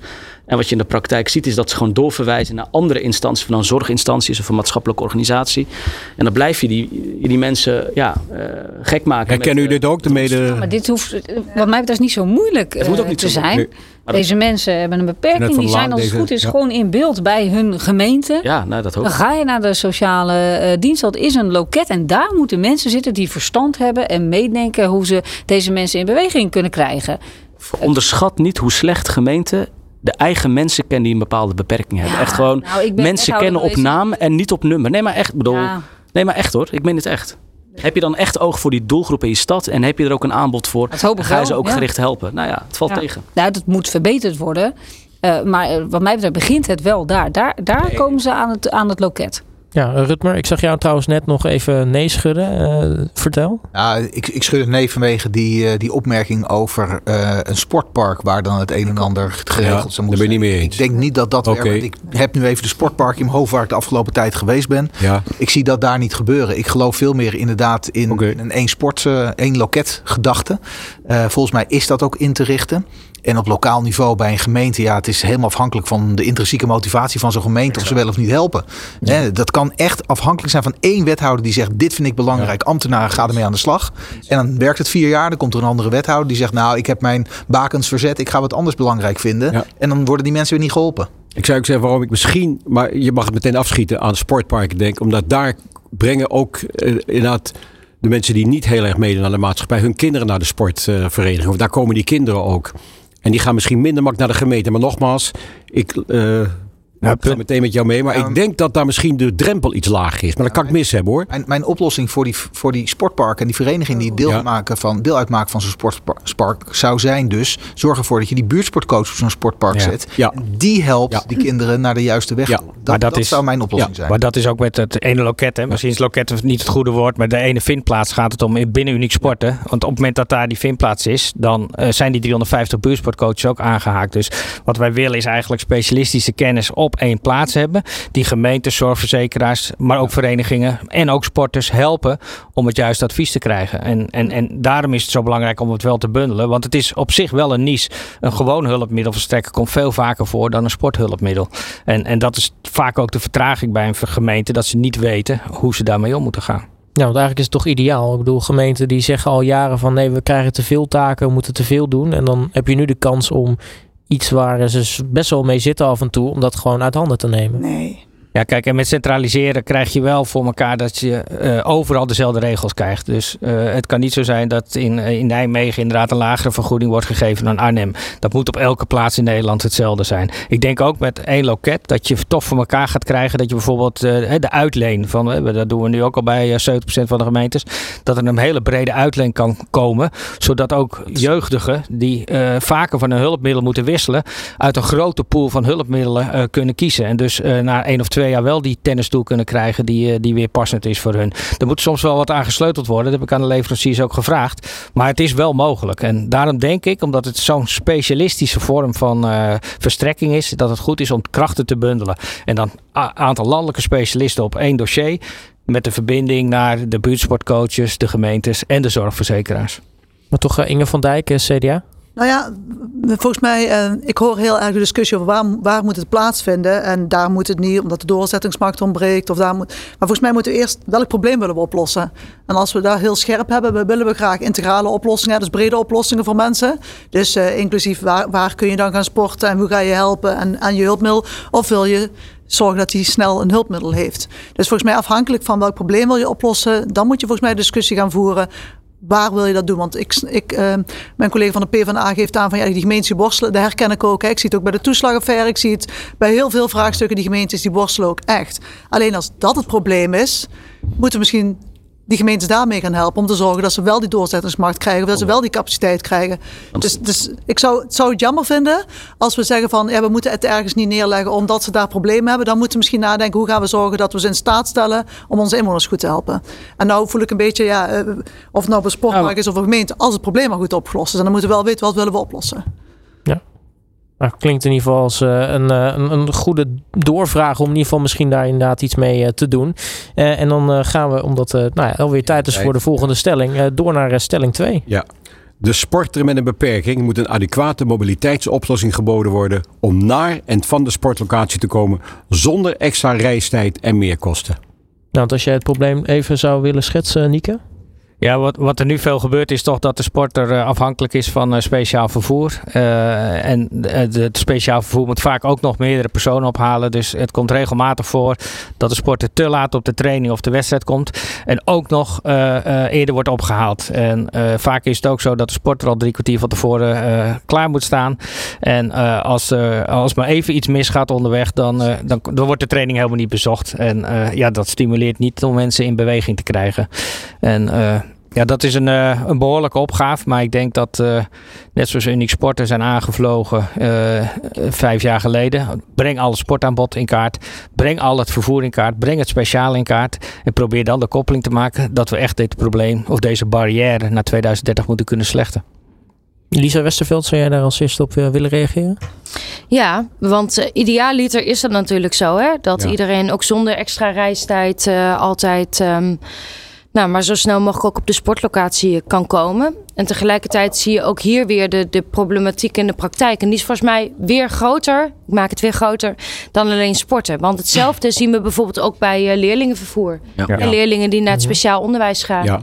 Waar we ook uh, recent een vrij uitgebreid uh, kamerdebat over hebben gehad. Hetzelfde zie je met ja, mensen die. En wat waren daar de problemen? Nou ja, ook weer eigenlijk redelijk hetzelfde. Dat soms openbaar vervoer niet toegankelijk uh, genoeg is voor iedereen. Dat is natuurlijk een, een, breder dilemma. Dat ook als je in een rolstoel zit of op andere manieren, nou, dat je gewoon niet mee kan. Uh, dat je daardoor aangewezen bent op een aparte vorm van vervoer. Nou, er zijn te weinig chauffeurs bijvoorbeeld. Het wordt weer op een ja, andere manier geregeld, weer vanuit een ander potje. Het is niet duidelijk wie daar nou precies voor uh, verantwoordelijk is. Dus, dus eigenlijk wel dezelfde dilemma's als je ook ziet met uh, mensen die naar een sportclub willen, willen gaan en een, een beperking hebben. Ja. Uh, en, en ook hier zou ik zeggen, eigenlijk zouden we moeten zorgen dat in eerste instantie het gewone openbaar vervoer zo toegankelijk mogelijk is. En ik ken ook alle dilemma's daar natuurlijk bij, maar je wil niet dat altijd maar alles voor mensen met een beperking apart georganiseerd is. Het liefst wil je natuurlijk gewoon uitgaan van een goed stelsel van openbaar vervoer. En als dat niet mogelijk is, ja, dan moet je op zoek gaan naar. Er is veel openbaar vervoer. Is het, is het openbaar vervoer niet al voor een heel groot deel toegankelijk voor Nee, um, en zo. helaas nog niet. Uh, ja, bussen instappen is natuurlijk inderdaad niet. Uh... Ja, bijvoorbeeld haltes zijn niet, uh, zijn niet nee. altijd op goede hoogte. Ja. ook lang niet alle treinen kunnen mensen met een beperking even makkelijk in mee. En als je al mee kan, dan word je vaak gestald bij de toiletten. Doe, ik vind dat echt ontzettend onvriendelijk. Dus ik zou eigenlijk wil je gewoon dat ik heb een tijdje geleden ook een uh, nota geschreven, die, die is breder, die, over mensen met een beperking. Dus we hebben dit vrij goed in kaart gebracht. Waar zitten nou al die belemmeringen? En dat is omdat we heel veel dingen apart organiseren voor mensen met een beperking. En daardoor hou je dus niet met het ontwikkelen van gebouwen, van stations, van uh, ook uh, treins, trams. Hou je dus niet rekening met toegankelijkheid voor iedereen. En, en daar zit gewoon een fundamentele ja, fout die, die vaak wordt gemaakt is uh, het concept design for all zou je eigenlijk moeten aanhouden. Alles wat we nieuw maken, alles wat, wat nieuw wordt aangekocht, wil je gewoon dat zo toegankelijk mogelijk is voor iedereen. De, maatschappij, ja, die zou je een keer naar Israël moeten gaan. Daar is de hele maatschappij ingericht. Elke straat, elk openbaar vervoer is toegankelijk. Vooral op, die soldaten die invalide zijn geraakt. Iedereen heeft daar overal vrij toegang tot openbaar vervoer. En tot elk, elke straat heeft op het eind een, uh, ja, een oneffenheid waardoor je er met je rolstoel uh, overal kunt komen. Rutme Herema, VVD? Ja, um, ik, ik, merk als ik dit hoor van Lisa, het is een prachtige toekomstmuziek. Uh, en ik hoop dat dat op termijn inderdaad zo zal uitwerken. Maar het vernieuwen van bussen, het vernieuwen van trottoirs, dat gaat, gaat echt een tijd duren. Ja. Dus ik merk dat ik er ook ergens wel wat praktischer in zit. Ik geloof dan niet zozeer... Gebeurt het in nieuwbouwwijken nu wel automatisch? Nee, veel te weinig. Niet waar? Nog steeds niet? Nee, en we hebben die nieuwe, wet, nieuwe omgevingswet wordt ook stel, steeds opnieuw oh, uitgesteld. Oh, en daar zouden dit soort dingen dus ook... in. zeg in Israël onmogelijk? Ja, maar ik zit, we zitten hier niet in Israël, we zitten hier in Nederland. Maar goed, dan kun je wel een voorbeeld nemen. Zeker, alleen... Heel simpel. De politieke werkelijkheid is dat het hier op dit moment onvoldoende geregeld is. En ik merk dat ik er dus wat praktischer in zit. Uh, volgens mij werkt het openbaar vervoer gewoon onvoldoende in Nederland. En dat gaat de komende jaren ook nog onvoldoende werken. Wat ik zie gebeuren bij onze atletiekvereniging waar ik zit, is dat uh, mensen die een handicap hebben, bijvoorbeeld running blind groepen, ja. dat die altijd met hun begeleider ook komen. Dus dat zijn een soort van sportmaatjes. Ja. En dan kunnen ze spullen goed meenemen, want de achterbak van de auto heeft meer ruimte dan de stoel naast je in de bus. Um, ze, ze, hebben begeleiding en ze worden opgehaald op het juiste tijdstip. En ze worden weer thuisgebracht op het juiste tijdstip. Ja. Want en welke vereniging is dat? Dat is Hilas in Alkmaar. Maar dat, daar is hartstikke goed geregeld. Ik hoop dat het op meer plekken goed geregeld is. Maar ik geloof dus veel meer in die maatschappelijke kracht. Dat mensen zeggen: hé, hey, ik ga jou helpen, want jij hebt een handicap. Ik haal je op. Uh, ik breng je ook weer thuis. Ik zie dat gelukkig meer gebeuren. Volgens mij moet dat nog veel meer gebeuren. Want dat is volgens mij een van de weinige mogelijkheden om te zorgen dat mensen op tijd bij een training zijn. Of op tijd naar een. Zijn het vrijwilligers? Dat zijn gewoon vrijwilligers. ja. ja. ja. Ja, maar dat vind ik dus ook wel weer het dilemma. Dat we dus dat mensen met een beperking dus afhankelijk moeten zijn van vrijwilligers. Hoe hè, ontzettend mooie initiatieven zijn er inderdaad. Ik ken er ook een aantal. Maar je wil natuurlijk eigenlijk in praktijk dat we gewoon in deze samenleving, die niet voor niets zijn een samenleving, dat we gewoon rekening houden met elkaar. En dat we nou ja, bij de aanschaf van nieuwe, nieuwe bussen, nieuwe treinen, dat we altijd rekening houden met dat iedereen mee kan. Bij het nou, maken van uh, bijvoorbeeld schoolgebouwen is ook zo'n voorbeeld. Uh, schoolgebouwen hoeven ook niet nou, moeten in de toekomst pas voldoen aan Europese normen voor toegankelijkheid. Wat dus nog steeds in praktijk betekent dat er sommige kinderen zijn die in een rolstoel zitten, die dus niet naar de school in eigen buurt kunnen, omdat het gebouw niet toegankelijk is. Nee, laatst hadden we het ook een jongen die niet met schoolreisje mee kon. Ja. Ook omdat hij een rolstoel had. Ja. ja. ja. Maar Lies, even om naar Rutbert. Dus, eh, het mooie van het Nederlandse sport is wel dat we zijn echt uniek op dat gebied in Europa. Dat, die vrijwillige structuur die we ja, hebben. Zeker. En op zich is er dan, vind ik, niks op tegen dat vrijwilligers dan ook. Ik bedoel, ze organiseren dat die jeugdspelen. Dat je het ochtends georganiseerd kunnen, dat je dan ook de gehandicapten. Dus dat vind ik op zich wel weer mooi. Er is niks op tegen, maar ik, kijk, het, ik, ik vind dat meedoen een, een recht is. Ja, klopt. En ik, ik vind het super mooie initiatief hoor. Maar we moeten ook niet te makkelijk denken, nou, de maatschappij lost het wel op. En, en ik zeg niet dat Rutme dat zegt trouwens. Maar mijn ongeduld zit hem erin dat ik gewoon echt vind dat we, dat we dit soort dingen moeten regelen. Ja. En ja, dan kost het wat, wat meer geld. We hebben er ook met elkaar baat bij als iedereen kan meedoen. Weten we, uh, gaat eenzaamheid tegen. Het zorgt voor gezondere mensen. Dus we hebben er allemaal baat bij. En dan kost het maar ietsje meer. Maar gehandicapt en artikel 1 zijn nu opgenomen in de wet. Dus eh, eigenlijk worden mensen toch met een beperking gediscrimineerd op vervoer. Of zie ik dat verkeerd? Nou ja, in ieder geval mag, mag het geen uh, dode letter zijn als het in de wet staat. En dat is volgens mij ook een beetje wat, uh, wat Lisa zegt. kijk, ik ben heel erg voor het. Ehm, kijk, als die, als die vrijwillige structuur ook dit kan dragen. en ook nog creatieve oplossingen heeft, is dat natuurlijk heel mooi. Um, ik zie wel een risico. Je merkt dat bij sportverenigingen in de amateursport dat ook het verenigingsleven onder druk staat. Ja omdat ze, uh, nou, als, als ik even plat sla, zeggen er, er komen steeds meer taken bij. Ook bijvoorbeeld verduurzaming. Zeggen ja, er wordt een bus, we moeten een business corona case is ook maken. een klap kunnen wij helemaal niet. Business case, verduurzaming, hoe dan? Mm -hmm. Het is allemaal vrij, soms is die kennis er wel, soms niet. Uh, we moeten gewoon uitkijken dat we niet heel veel verwachten, te veel verwachten van vrijwilligers. Waardoor het, het leuke ervan afgaat. En uh, dingen die collectief overal spelen. Hè, dus hoe gaan we om met het vervoer van mensen met een beperking. Alle uh, sportaccommodaties zullen op den duur verduurzaamd moeten worden. Ja, dat vraagt ook een beetje nationale verantwoordelijkheid en dat we daar uh, zorg voor dragen. Dat helemaal overlaten aan vrijwilligers kan ook een risico zijn. Klopt, klopt. Ja, Rutmer, jij nog? Ja, kijk, als we alle bouwvakkers van Nederland morgen laten werken aan het oplossen van, uh, van, uh, van het wegnemen van beperkingen uh, die er zijn op straten, bij sportclubs, bij scholen, bij bussen, et cetera. Nog afgezien van of, of de materialen überhaupt voorhanden zijn, dan zijn we nog steeds jaren bezig. Dus het heeft helemaal niets te maken met discriminatie, Niek. Het heeft meer te maken met wat is realistisch en wat kunnen we doen op de korte termijn om het zo goed mogelijk en zo makkelijk mogelijk te maken voor mensen met een beperking om te kunnen sporten. Daar kunnen vrijwilligers bij verenigingen bij helpen. Heel veel doen het gewoon zelf. Hè? Dat is geen opdracht aan vrijwilligers om het te doen. Maar omdat ze gewoon zelf willen en helpen om mensen bij een vereniging aan het sporten te krijgen. En dat we ondertussen werken aan een toegankelijker Nederland. Door als een bus vervangen moet worden. Want er is toch een elektrificatieplaats, vindt er plaats. Dan nemen we een bus die makkelijker toegankelijk is. Als er een nieuw sportpark wordt gebouwd. Zorg ervoor dat je daar beter bereikbaar bent. Dat moeten we allemaal nog veel beter regelen. Maar dat is realistisch gezien niet van, morgen, van vandaag op morgen geregeld. Het gaat jaren en jaren en jaren duren. Dus je moet ook kijken naar andere oplossingen. Ja. Daar is missie 2030 vorig jaar ook gelanceerd bij de Invictus Games in eh, Den Haag. En daarvoor hebben we het publiek en privaat ook opgeroepen om dit probleem te omarmen. Uh, en, en ja, uiteindelijk is het doel om het gewoon opgelost te hebben. En dat kost ook tijd. Aan de andere kant denk ik van, als we die tijd die ervoor zit goed benutten en alles goed in kaart brengen wat er wel is. En dat aan elkaar knopen, want dat is wat er aan de hand is. Hè. Vaak is het ook gewoon niet bekend. Hè. Automaatje, zijn we ook geweest. En die zeggen ja, wij brengen wel e-sporters naar de, of uh, mensen met een beperking naar de sport. Dus die, die, die zijn er al deels op ingericht ingericht. Wel door vrijwilligers. Maar zo denk ik dat er in heel Nederland heel veel vervoersoplossingen zijn. Maar allemaal soms heel micro. En soms ook wel wat groter. Uh, als we dat aan elkaar knopen en inzichtelijk maken. Denk ik dat het in ieder geval een stap vooruit is. Ja, Jeanette van der Laan, D66.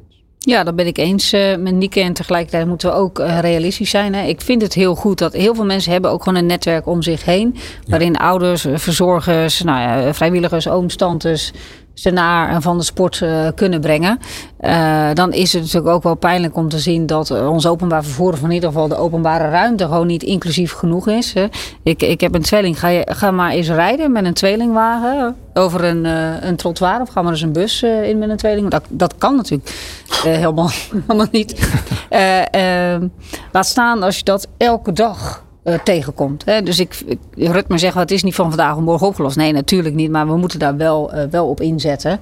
Um, en ik denk ook dat dat juist een goede stap vooruit is. Want je, je wilt ook mensen met een beperking zoveel mogelijk regie en zeggenschap en uh, eigen verantwoording geven om zichzelf ook te kunnen, nou, vrij te kunnen bewegen. En daar helpt het openbaar vervoer hartstikke goed mee. En tegelijkertijd moeten we zeer eerlijk zijn.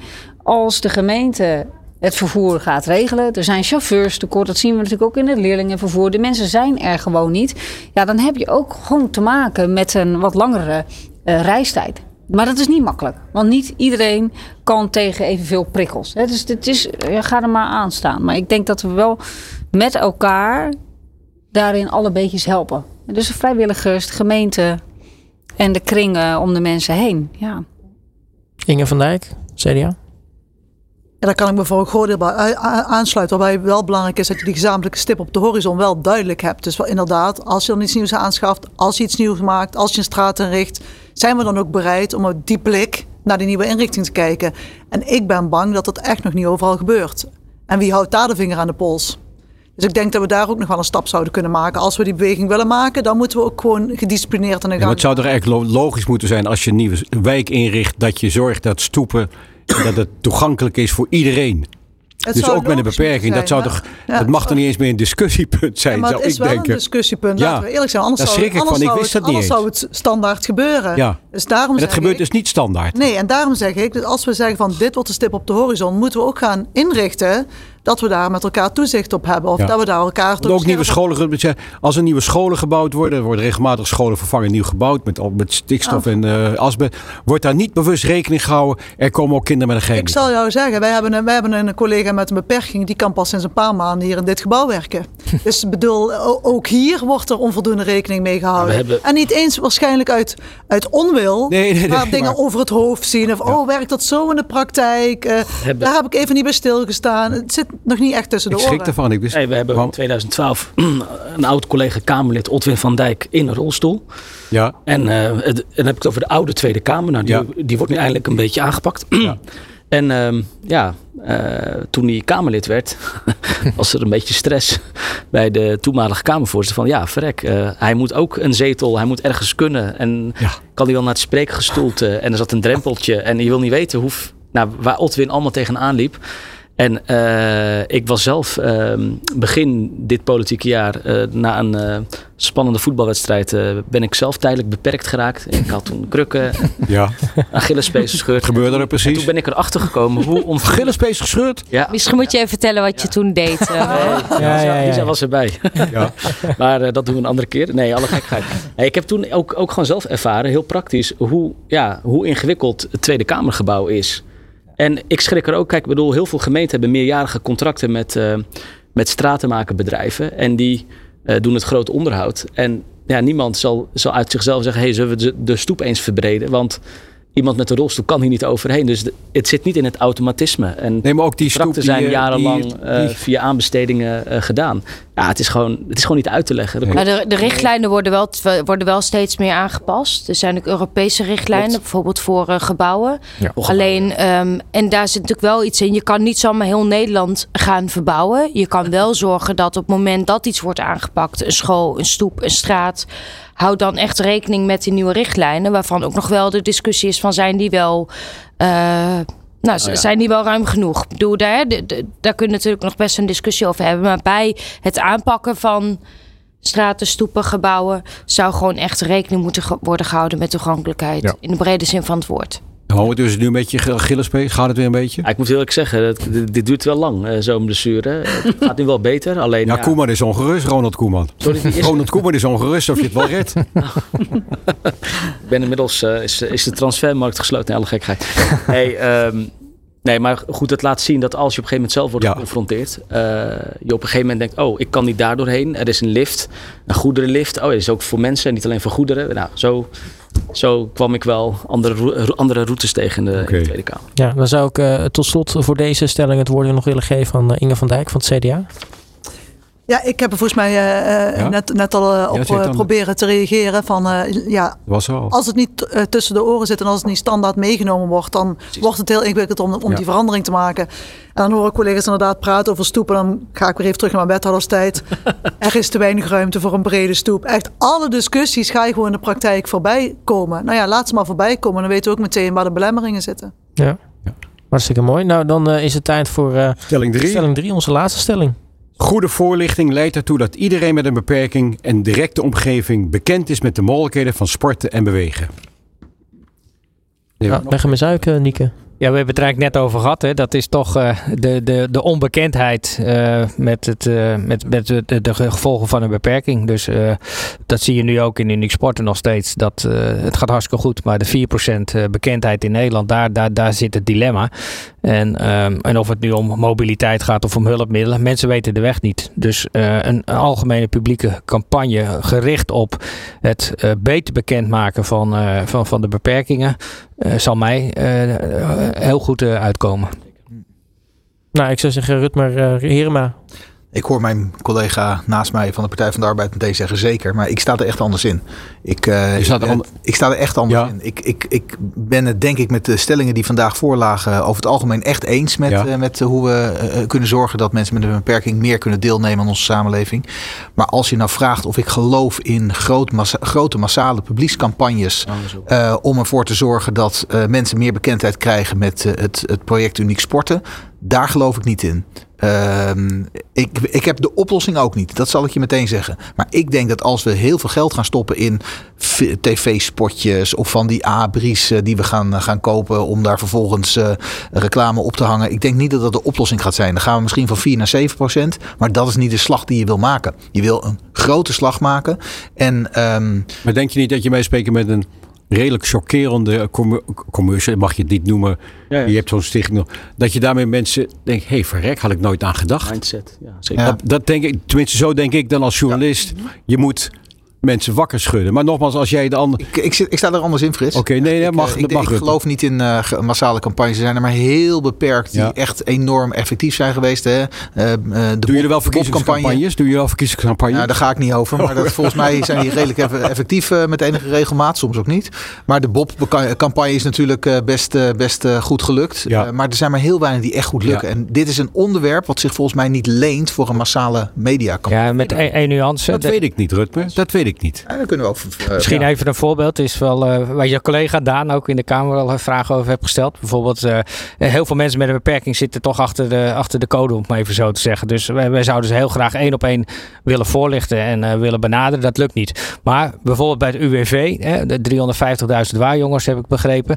Stel dat je die waarjongers attendeert op van niet alleen op van je gaat niet vragen van wat is je NAW, wat is je SOFI-nummer, maar je vraagt ook wat ze leuk vinden. Cultuur, natuur, in dit geval sport. En de volgende vraag is van mag je op de hoogte houden? Dan kan je met een hele gerichte campagne van Uniek Sporten bijvoorbeeld, maar ook met een andere manier, kan je de, de doelgroep één op één bereiken. En daar geloof ik wel in. Maar daar heb je ook wel weer middelen voor nodig en mogelijkheden. Maar ik zie niet zozeer dat je de mensen zelf moet bereiken, maar ook de omgeving. Ja, dat je dus inderdaad broers, zusjes, vaders, ja. moeders zeggen: hé, hey, wist, je dat je, wist je dat dat kon? Of dat je broer tegen de vader zegt: Papa, wist je dat dat kan met ons broer of zus? Of dat een kind zegt tegen zijn ouder die Papa, weet je dat je wel degelijk meer zou kunnen? Zo zie ik het eigenlijk meer, Rutmer. Dat zou kunnen, alleen ik geloof dus niet in deze. Ja. Ik vind die Niek, uh, zoals die uh, vertelt, vind ik een veel interessantere. Ja. Namelijk via het UWV. Ik denk dat je dan tegen heel veel privacy- en AVG-problemen aanloopt. Of dingen wel maar gedaan je moet toch toestemming vragen. We hebben een hele andere discussie over de AP, waar we... Nou, Waar ik al heel wat kamervragen over gesteld heb. Wat is de AP? Sowieso niet eens. De, de autoriteit persoonsgegevens die Oh. zorgt voor dat je dit soort dingen, dus Ja. hele goede dingen, niet kan doen. Oh, ja. Eh, dat is helaas. Ehm, de, maar ik, als daar een mogelijkheid zou zitten, Niek, ik denk dat we daar dan veel meer op in zouden kunnen zetten voor die gerichte campagne. In plaats van een ongerichte Ja. multimassa mediale campagne. En ik ben het ook met Frits eens hoor, dat je de, de, de omgeving moet bereiken hè, uiteindelijk. Dat is heel belangrijk. Ja, eh, Mohammed? Of ja, dat, tenminste jij was, eh Nou ja, wilde eerder reageren. Kijk, eh, eens, eens met het feit dat eh, nationale campagnes niet altijd effectief zijn. Ehm, eh, omdat ze ook vaak, eh, omdat er aan de voorkant niet goed wordt nagedacht, wie wil je bereiken. Dus die ongerechtheid zit hem ook eh zeer Vaak zijn, aan dat de- zijn ook vaak open de- deuren. Dat ik aan de denk, ja, voorkant. ja. Nou, kijk, uiteindelijk gaat het erom van eh, bereik je een grotere groep Ja. die, die qua mindset het niet altijd bewust is van wat er is.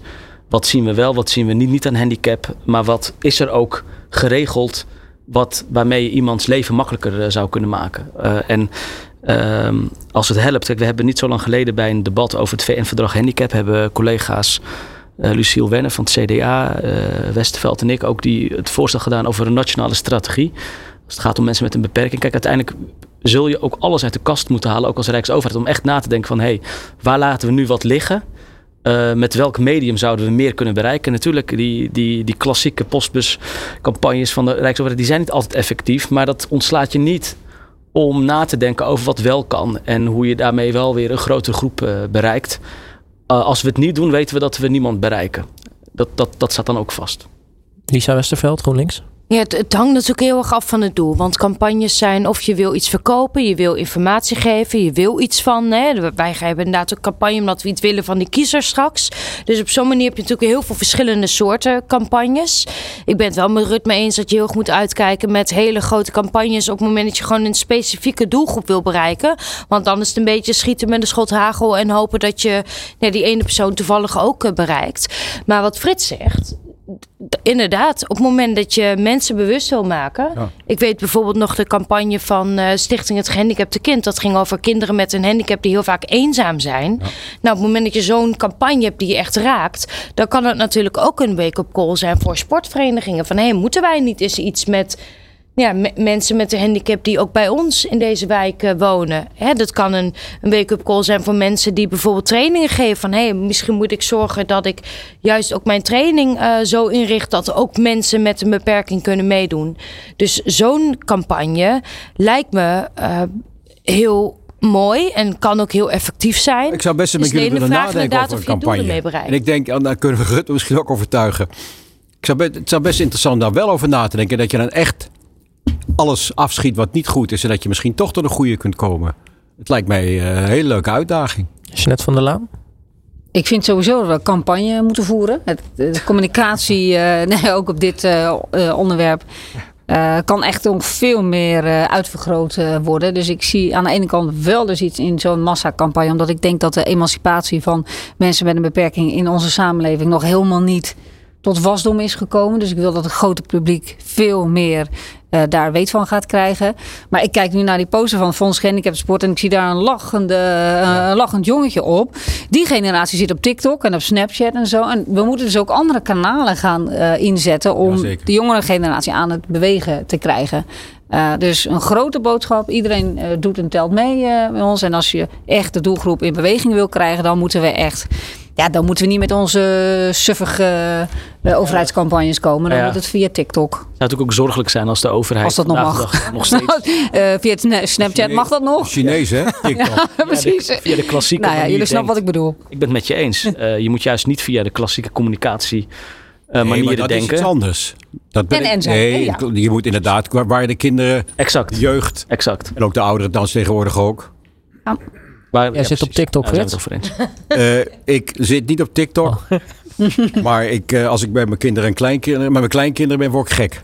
Uh. Dat is alleen maar TikTok. Ja. Ja. Maar Mohamed, ga verder met je Nee, nee, nee. nee. Dus, ik, uh, ik oh, gewoon aan bij, uh, bij collega van D66. Kijk, je moet wel de klassieke uh, spotjes van de Rijksoverheid... Ja, daar ben ik geen, sowieso niet zo'n fan van. maar ik, als je de doelgroep wilt bereiken en de jongeren... waar komen die? Kijk bijvoorbeeld naar hoe succesvol filmpjes zijn op Instagram. Ja. TikTok is genoemd met alle discussies rondom het medium. is er wel nog meer te doen, ook vanuit hier... om op een wat originele manier uh, de doelgroep te bereiken. Ja. Inge van Dijk, hoe kijkt CDA je tegenaan? Nou, volgens mij zou, misschien is het wel eens heel interessant om de mensen te vragen die gebruik maken van uh, hulpmiddelen, van een. Van hoe zijn jullie, uh, hoe zijn jullie nou getriggerd? Ja. En dat we eerst eens die vraag stellen en dan eens gaan kijken, ja, hoe kunnen we nou zo groot mogelijke doelgroep uh, bereiken? Want ja, wij kunnen van alles in, invullen. Ik vind ook iets van die, die grote massamediale campagnes. En ik geloof meer in de olievlek, zal ik maar zeggen. Hoe, hoe, hoe zijn die mensen bereikt? Hoe kunnen we dat groter maken? En door het groter te maken, vertel het voort denk ik de effectiever zal zijn. Een vraag die ik begin. Is het toch milieu bepaald een beetje of je aan hulpmiddelen komt of niet? Of is het flauwekul wat ik zeg? Zeker, zeker. Hmm. Nou ja, maar denk Daar ligt er ook een taak dan voor de samenleving. Dat, en als je de taal onvoldoende beheerst, wordt het al helemaal ingewikkeld om uh, überhaupt uh, goed in contact te komen met uh, hulpmiddelen of met bepaalde sites, omdat ze ook vaak niet in jouw taal beschikbaar zijn. Wij doen uh, met Sport ook veel met social media. Ook uh, de eerste uh, range aan hulpmiddelen, sporthulpmiddelen die we konden verstrekken. Toen zijn we wel begonnen met een campagne online, ook social media ja, dat ging zo snel dat we uh, binnen no time konden stoppen. Want we hadden, we hadden meteen een wachtlijst. Dat werkt dus. het werkt. Ja, dat werkt, het werkt dus. Ja, en daar zou je op door kunnen bouwen. En even nog, misschien toch terugkomen op de AP nog eventjes. Uh, maar je kan daar omheen op het moment. De, en dat is ook precies wat ik wil bij het UWV. Dus we moeten vragen wat de mensen leuk vinden. Als ze daarop een positief antwoord geven. En de volgende vraag is: mogen we je op de hoogte houden? Dan kan je mensen op de hoogte houden van, uh, van, van uniek sporten. En ik denk dat dat een hele belangrijke stap is. En inderdaad, daar hebben we mee te maken. Maar als we slim mee omgaan, denk ik dat je een hele grote groep in één keer kan bereiken. Ja, Rutmer, tot slot als je ja, je, collega's hierover hoort, uh, wat, uh, hoe denk jij dan nu? Nou, ik denk exact hetzelfde. ik ben niet veranderd van mening. Ik, nogmaals, ik denk dat, uh, dat, dat wat Niek voorstelde, dat mijn eerste voorkeur zou zijn om daar te kijken wat voor winst je zou kunnen behalen. En uh, ik, ik, ik geloof er gewoon niet in dat een overheid zich bezig moet, zou moeten gaan houden met wat voor filmpjes er op TikTok zouden moeten verschijnen om kinderen over te halen om wel of niet te gaan sporten. Ik geloof daar gewoon niet in. Dat is heel veel energie, dat is heel veel manuren, dat is heel veel geld met een nauwelijks effect. Dus volgens mij uh, zouden we daar wat anders uh, voor moeten doen. Misschien met influencers die wij vooral op afstand hun ding laten doen. In plaats van dat we daar zelf als overheid mee aan de slag zouden gaan. dus nee, ik ben nog niet wat dat betreft overtuigd. Maar volgens mij heeft Niek een hele mooie ingang gevonden. En zeker als je om de AP heen kan, dan wil ik graag leren hoe hij dat doet. Ja, dus voorlopig geen TikTok-campagnes met Rutmer maar in de hoofdrol. Zeker niet. Ik heb nooit TikTok gehad. Ik zal het ook nooit nemen ook. Nee, wat is de, kijk, online campagne en uh, op de manier zoals ik hem net heb uitgelegd, denk dat dat heel uh, efficiënt kan zijn. Want we weten gewoon dat als je naar, toch naar die 350.000 vaarjongens kijkt, en ik begreep dat er zelfs 1 miljoen mensen met een arbeidsbeperking bij het UWV geregistreerd staan. Maar laten we ons eerst richten op die, op die groep waarjongens. Dan weet je dat een derde sport, een derde sport niet en denkt ook en wil niet. Maar een derde geeft aan, ik wil wel en ik sport nog niet. Ja, dat zijn 120.000 mensen met een beperking die je in één keer zou kunnen bereiken. En dat vind ik wel heel efficiënt. Nou, zeker. zeker. En ook het levensgeluk wat je ze daarmee geeft. Want dat hoef ik niet. Sport geeft levensgeluk. Daar zijn we het allemaal over, over eens, volgens mij. Hè? Ja. Nou, ik ben gelukkig wel welkom bij het UWV, dus dat scheelt. Dus ik heb vanochtend nog app-contact gehad. Dus uh, ik houd jullie op de hoogte. Maar uh, ik geloof uh, heilig in die weg. Ja. Hartstikke mooi. Nou, het is alweer bijna twee uur, dus we zitten bijna door de tijd heen. Uh, dat betekent dat we nou, eigenlijk aan het einde gekomen zijn van deze editie van het Uniek Sportendebat. Mag ik de politici hier aanwezig hartelijk danken voor hun tijd en medewerking natuurlijk voor dit uh, debat. En, uh, al... nog één keer noem ze nog één keer. Man is van P van de A, Rutme Herema van de VVD, Inge van Dijk van het CDA, Jeanette van der Laan van D66 en Lisa Westerveld van GroenLinks. En uh, alle natuurlijk uh, veel succes ook uh, met de respectievelijke partijen op 15 Als jullie betrokkenheid. Dankjewel. Um, ja, we gaan nog niet helemaal afsluiten. Want uh, nou, wij drie blijven hier sowieso nog eventjes uh, zitten. Uh, om, zes uur vanmiddag. Tot zes uur. Nee, was het maar zo'n feest. Nee, om toch even een kleine nabespreking te doen. Want nou ja, Nieke, jij ziet er natuurlijk vanuit Fonds Sport. Als jij nou, dit debat zo vanmiddag tot nu toe hebt gehoord. Wat, wat, ja, wat is dan het eerste wat jou opvalt? Ja, dat de coalitie uh, nog steeds in stand is. Dus, en dat is ons startpunt geweest van het radiodebat. Een coalitie creëren uh, van de sport, uh, van de sportwoordvoerders voor, in dit geval de gehandicaptensport. En ik kan alleen maar constateren dat dat nog op hetzelfde level zit. En, en als ik dan terugkijk, en dan is de, de, de tien punten nota, gehandicaptensportnota die ingebracht is, die is nog steeds actueel. Want een aantal punten zijn we heel goed mee bezig. Hulpmiddelen, vervoer, nou vanmiddag uitgebreid besproken. Maar bekendheid, maatje, staat er allemaal in. Dus die route naar 2030 staat vast. En als we dat met z'n allen ook goed vasthouden de komende jaren, dan gaan we vast met hele mooie resultaten 2030 in. Dat zou mooi zijn. En Frits, wat, wat, wat blijft jou bij? Nou, weer de grote betrokkenheid van deze politici. Dat doet me ontzettend goed. Ze staan midden in de maatschappij. En tonen aan dat, je hoort wel eens dat ze politici buiten de maatschappij zijn. Nou, deze vijf zeker niet. En die vertegenwoordigen hun partij. Dus ik ben weer heel op Ik word hier vrolijk van. En ik, wil u ik vind het echt fantastisch dat jullie dit doen. Hoe jullie ervoor inzetten, alle vijf. En uh, ik wil ook maar uh, Michiel van Nispen noemen. Maar ontzettend wel jammer dat uh, ChristenUnie en PVV verstek laten gaan alsof invalide of gehandicapte sporters in de maatschappij niet meten. Ik vind dat walgelijk. Dus complimenten voor jullie en dank voor jullie komst. Graag gedaan. Nou, hopelijk zijn ze er volgend jaar wel bij. want ja, jij wilde eigenlijk al ervoor zorgen dat we dit volgend jaar hopelijk niet meer doen. Maar het, het zou natuurlijk wel leuk zijn als we er volgend jaar weer bij zijn, vriend. Nou ja, kijken wat voor resultaten geboekt zijn. Ja, en met, ik, jullie inspireren echt. Ik vind het echt ontzettend inspirerend hoe jullie erin staan. Nou, hartstikke mooi. Um, ja, we zijn alweer bijna aan het einde van de uitzending. Uh, Frits Barend en uh, Nieke Born, natuurlijk ook hartelijk bedankt voor, uh, voor jullie bijdrage aan, aan dit programma. En ja, we moeten eigenlijk nog afsluiten met iets heel belangrijks. Want die had natuurlijk ook een bijdrage geleverd. Robin Wubbe van, van Parawatcher. normaal gesproken doen we dat eigenlijk aan het begin van het programma. Maar het liep net even iets anders dan gepland. Dus um, nou ja, voordat we eruit gaan zou ik in ieder geval willen zeggen... laten we in ieder geval zo meteen naar hem gaan luisteren. Hij heeft nog in ieder geval het laatste nieuws op het gebied van, van aangepast sport want eh, er zijn ontzettend veel sporten bezig. Sterker nog, nou, we hebben het met Jessica gepraat. Uh, die heeft natuurlijk net het ABN AMRO Open getennist. Daar waren de heren natuurlijk ook aanwezig. Maar er wordt ook nog steeds gesnowboard, geskiet. er wordt van alles en nog wat gedaan. Dus hij gaat ons zo meteen helemaal bijpraten.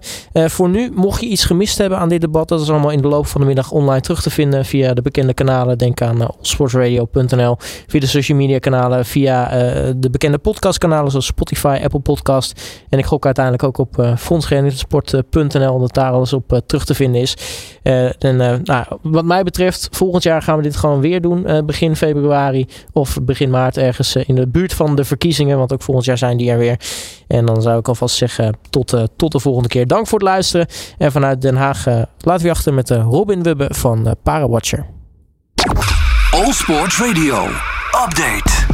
Vlak na de vorige uitzending begonnen de wereldkampioenschappen alpine skiën in het Spaanse Espot. Waar zitskier Jeroen Kampscheur grossierde in medailles, twee keer zilver, twee keer brons, zorgde Barbara van Bergen ook in het zitskiën voor de enige gouden medaille voor de Nederlandse ploeg. Ze pakte haar allereerste wereldtitel ooit op de afdaling, waar ze afrekende met haar eeuwige concurrente Annalena Förster uit Duitsland. En om dat verhaal even af te maken, Niels de Lange pakte op het WK één bronzen plak. Vrijwel tegelijkertijd met de ski-successen zette rolstoeltennister Diede de Groot haar zegenreeks voort in Melbourne. Op de Australian Open veroverde ze alweer haar negende Grand Slam titel op rij, door in de finale af te rekenen met wie anders dan de Japanse Yui Kamiji. De nummer 1, de Groot, en 2, Kamiji, stonden alweer voor de vijftigste keer tegenover elkaar in Melbourne. De Groot won er 35, Kamiji 15. Inmiddels staat de teller overigens op 36 tegen 15, want de Groot won afgelopen zaterdag nog het allereerste ABN AMRO Open voor rolstoeltennis vrouwen. In de finale was ze in drie sets te sterk voor de Japanse. Klein stapje terug nog naar de Australian Open, anders zijn we niet compleet. In de quad-divisie voor spelers met een handicap aan benen en armen was er ook Nederlands succes. In een Old Dutch Final pakte Sam Schreuder de titel door landgenoot Niels Vink te verslaan. En samen waren Schreuder en Vink ook goed voor de titel in het dubbelspel. Voor de alpine skiers was het seizoen na dat eerder genoemde WK zeker nog niet afgelopen. Ruim een week geleden won Jeroen Kampscheur zijn eerste race van het seizoen. En zijn tweede en zijn derde en zijn vierde. In het Oostenrijkse Zaalbach Hinterglem was hij ongenaakbaar. Hij won beide afdalingen en de beide superg's. De eerder genoemde Barbara van Bergen was ook weer goed voor een gouden plak. Niels de Lange voor twee keer brons. Ook snowboarders Lisa Bunschoot en Chris Vos trokken naar de sneeuw. Naar Cortina d'Ampezzo om precies te zijn, waar over ruim drie jaar de Paralympische Winterspelen gehouden worden. Na de vorige Spelen, afgelopen winter in Beijing, kiezen de snowboarders allemaal een beetje voor andere routes richting dat WK. Waardoor de World Cups, ja, matig bezet zijn. Chris Vos was in Cortina één snowboardcross, de beste en pakte op de andere zilver. Lisa Bunschoten won beide races, maar was in haar klasse de enige deelnemster. Afgelopen weekend had Bunschoten in het Duitse Graasgeren wel concurrentie en pakte ze opnieuw goud. Ook Chris Vos won daar de bordercross. Helemaal aan de andere kant van de wereld, in het Japanse Osaka, begon voor de rolstoelbasketbalvrouwen de aanloop naar misschien wel het belangrijkste jaar ooit. Want dit jaar een WK in Dubai en de Europese kampioenschap in Rotterdam. De tickets voor de Paralympische Spelen worden helemaal verdeeld dit jaar. En in Osaka was de ploeg van bondscoach Gert-Jan van der Linden uh, de sterkste door in de finale Canada te verslaan. Om af te sluiten nog een kleine vooruitblik richting de komende maand. Twee internationale toernooien in Spanje voor de para-badmintonners. Het wereldbekerseizoen voor de alpine skiers nadat zijn ontknoping. De para-tafeltennissers trekken naar Spanje en Italië. Rolstoeltennis naar Amerika. En voor de zwemmers een belangrijk kwalificatiemoment voor de WK later dit jaar. En ja, dan op het 11 maart beginnen de uitgestelde wereldkampioenschappen parasnowboarden. Eerder werd het toernooi verplaatst van januari naar maart vanwege gebrek aan sneeuw in het Spaanse La Molina. En de verwachting is nu dat er wel voldoende sneeuw op de pistes ligt. Alle sporten van binnenuit. All Sport Radio.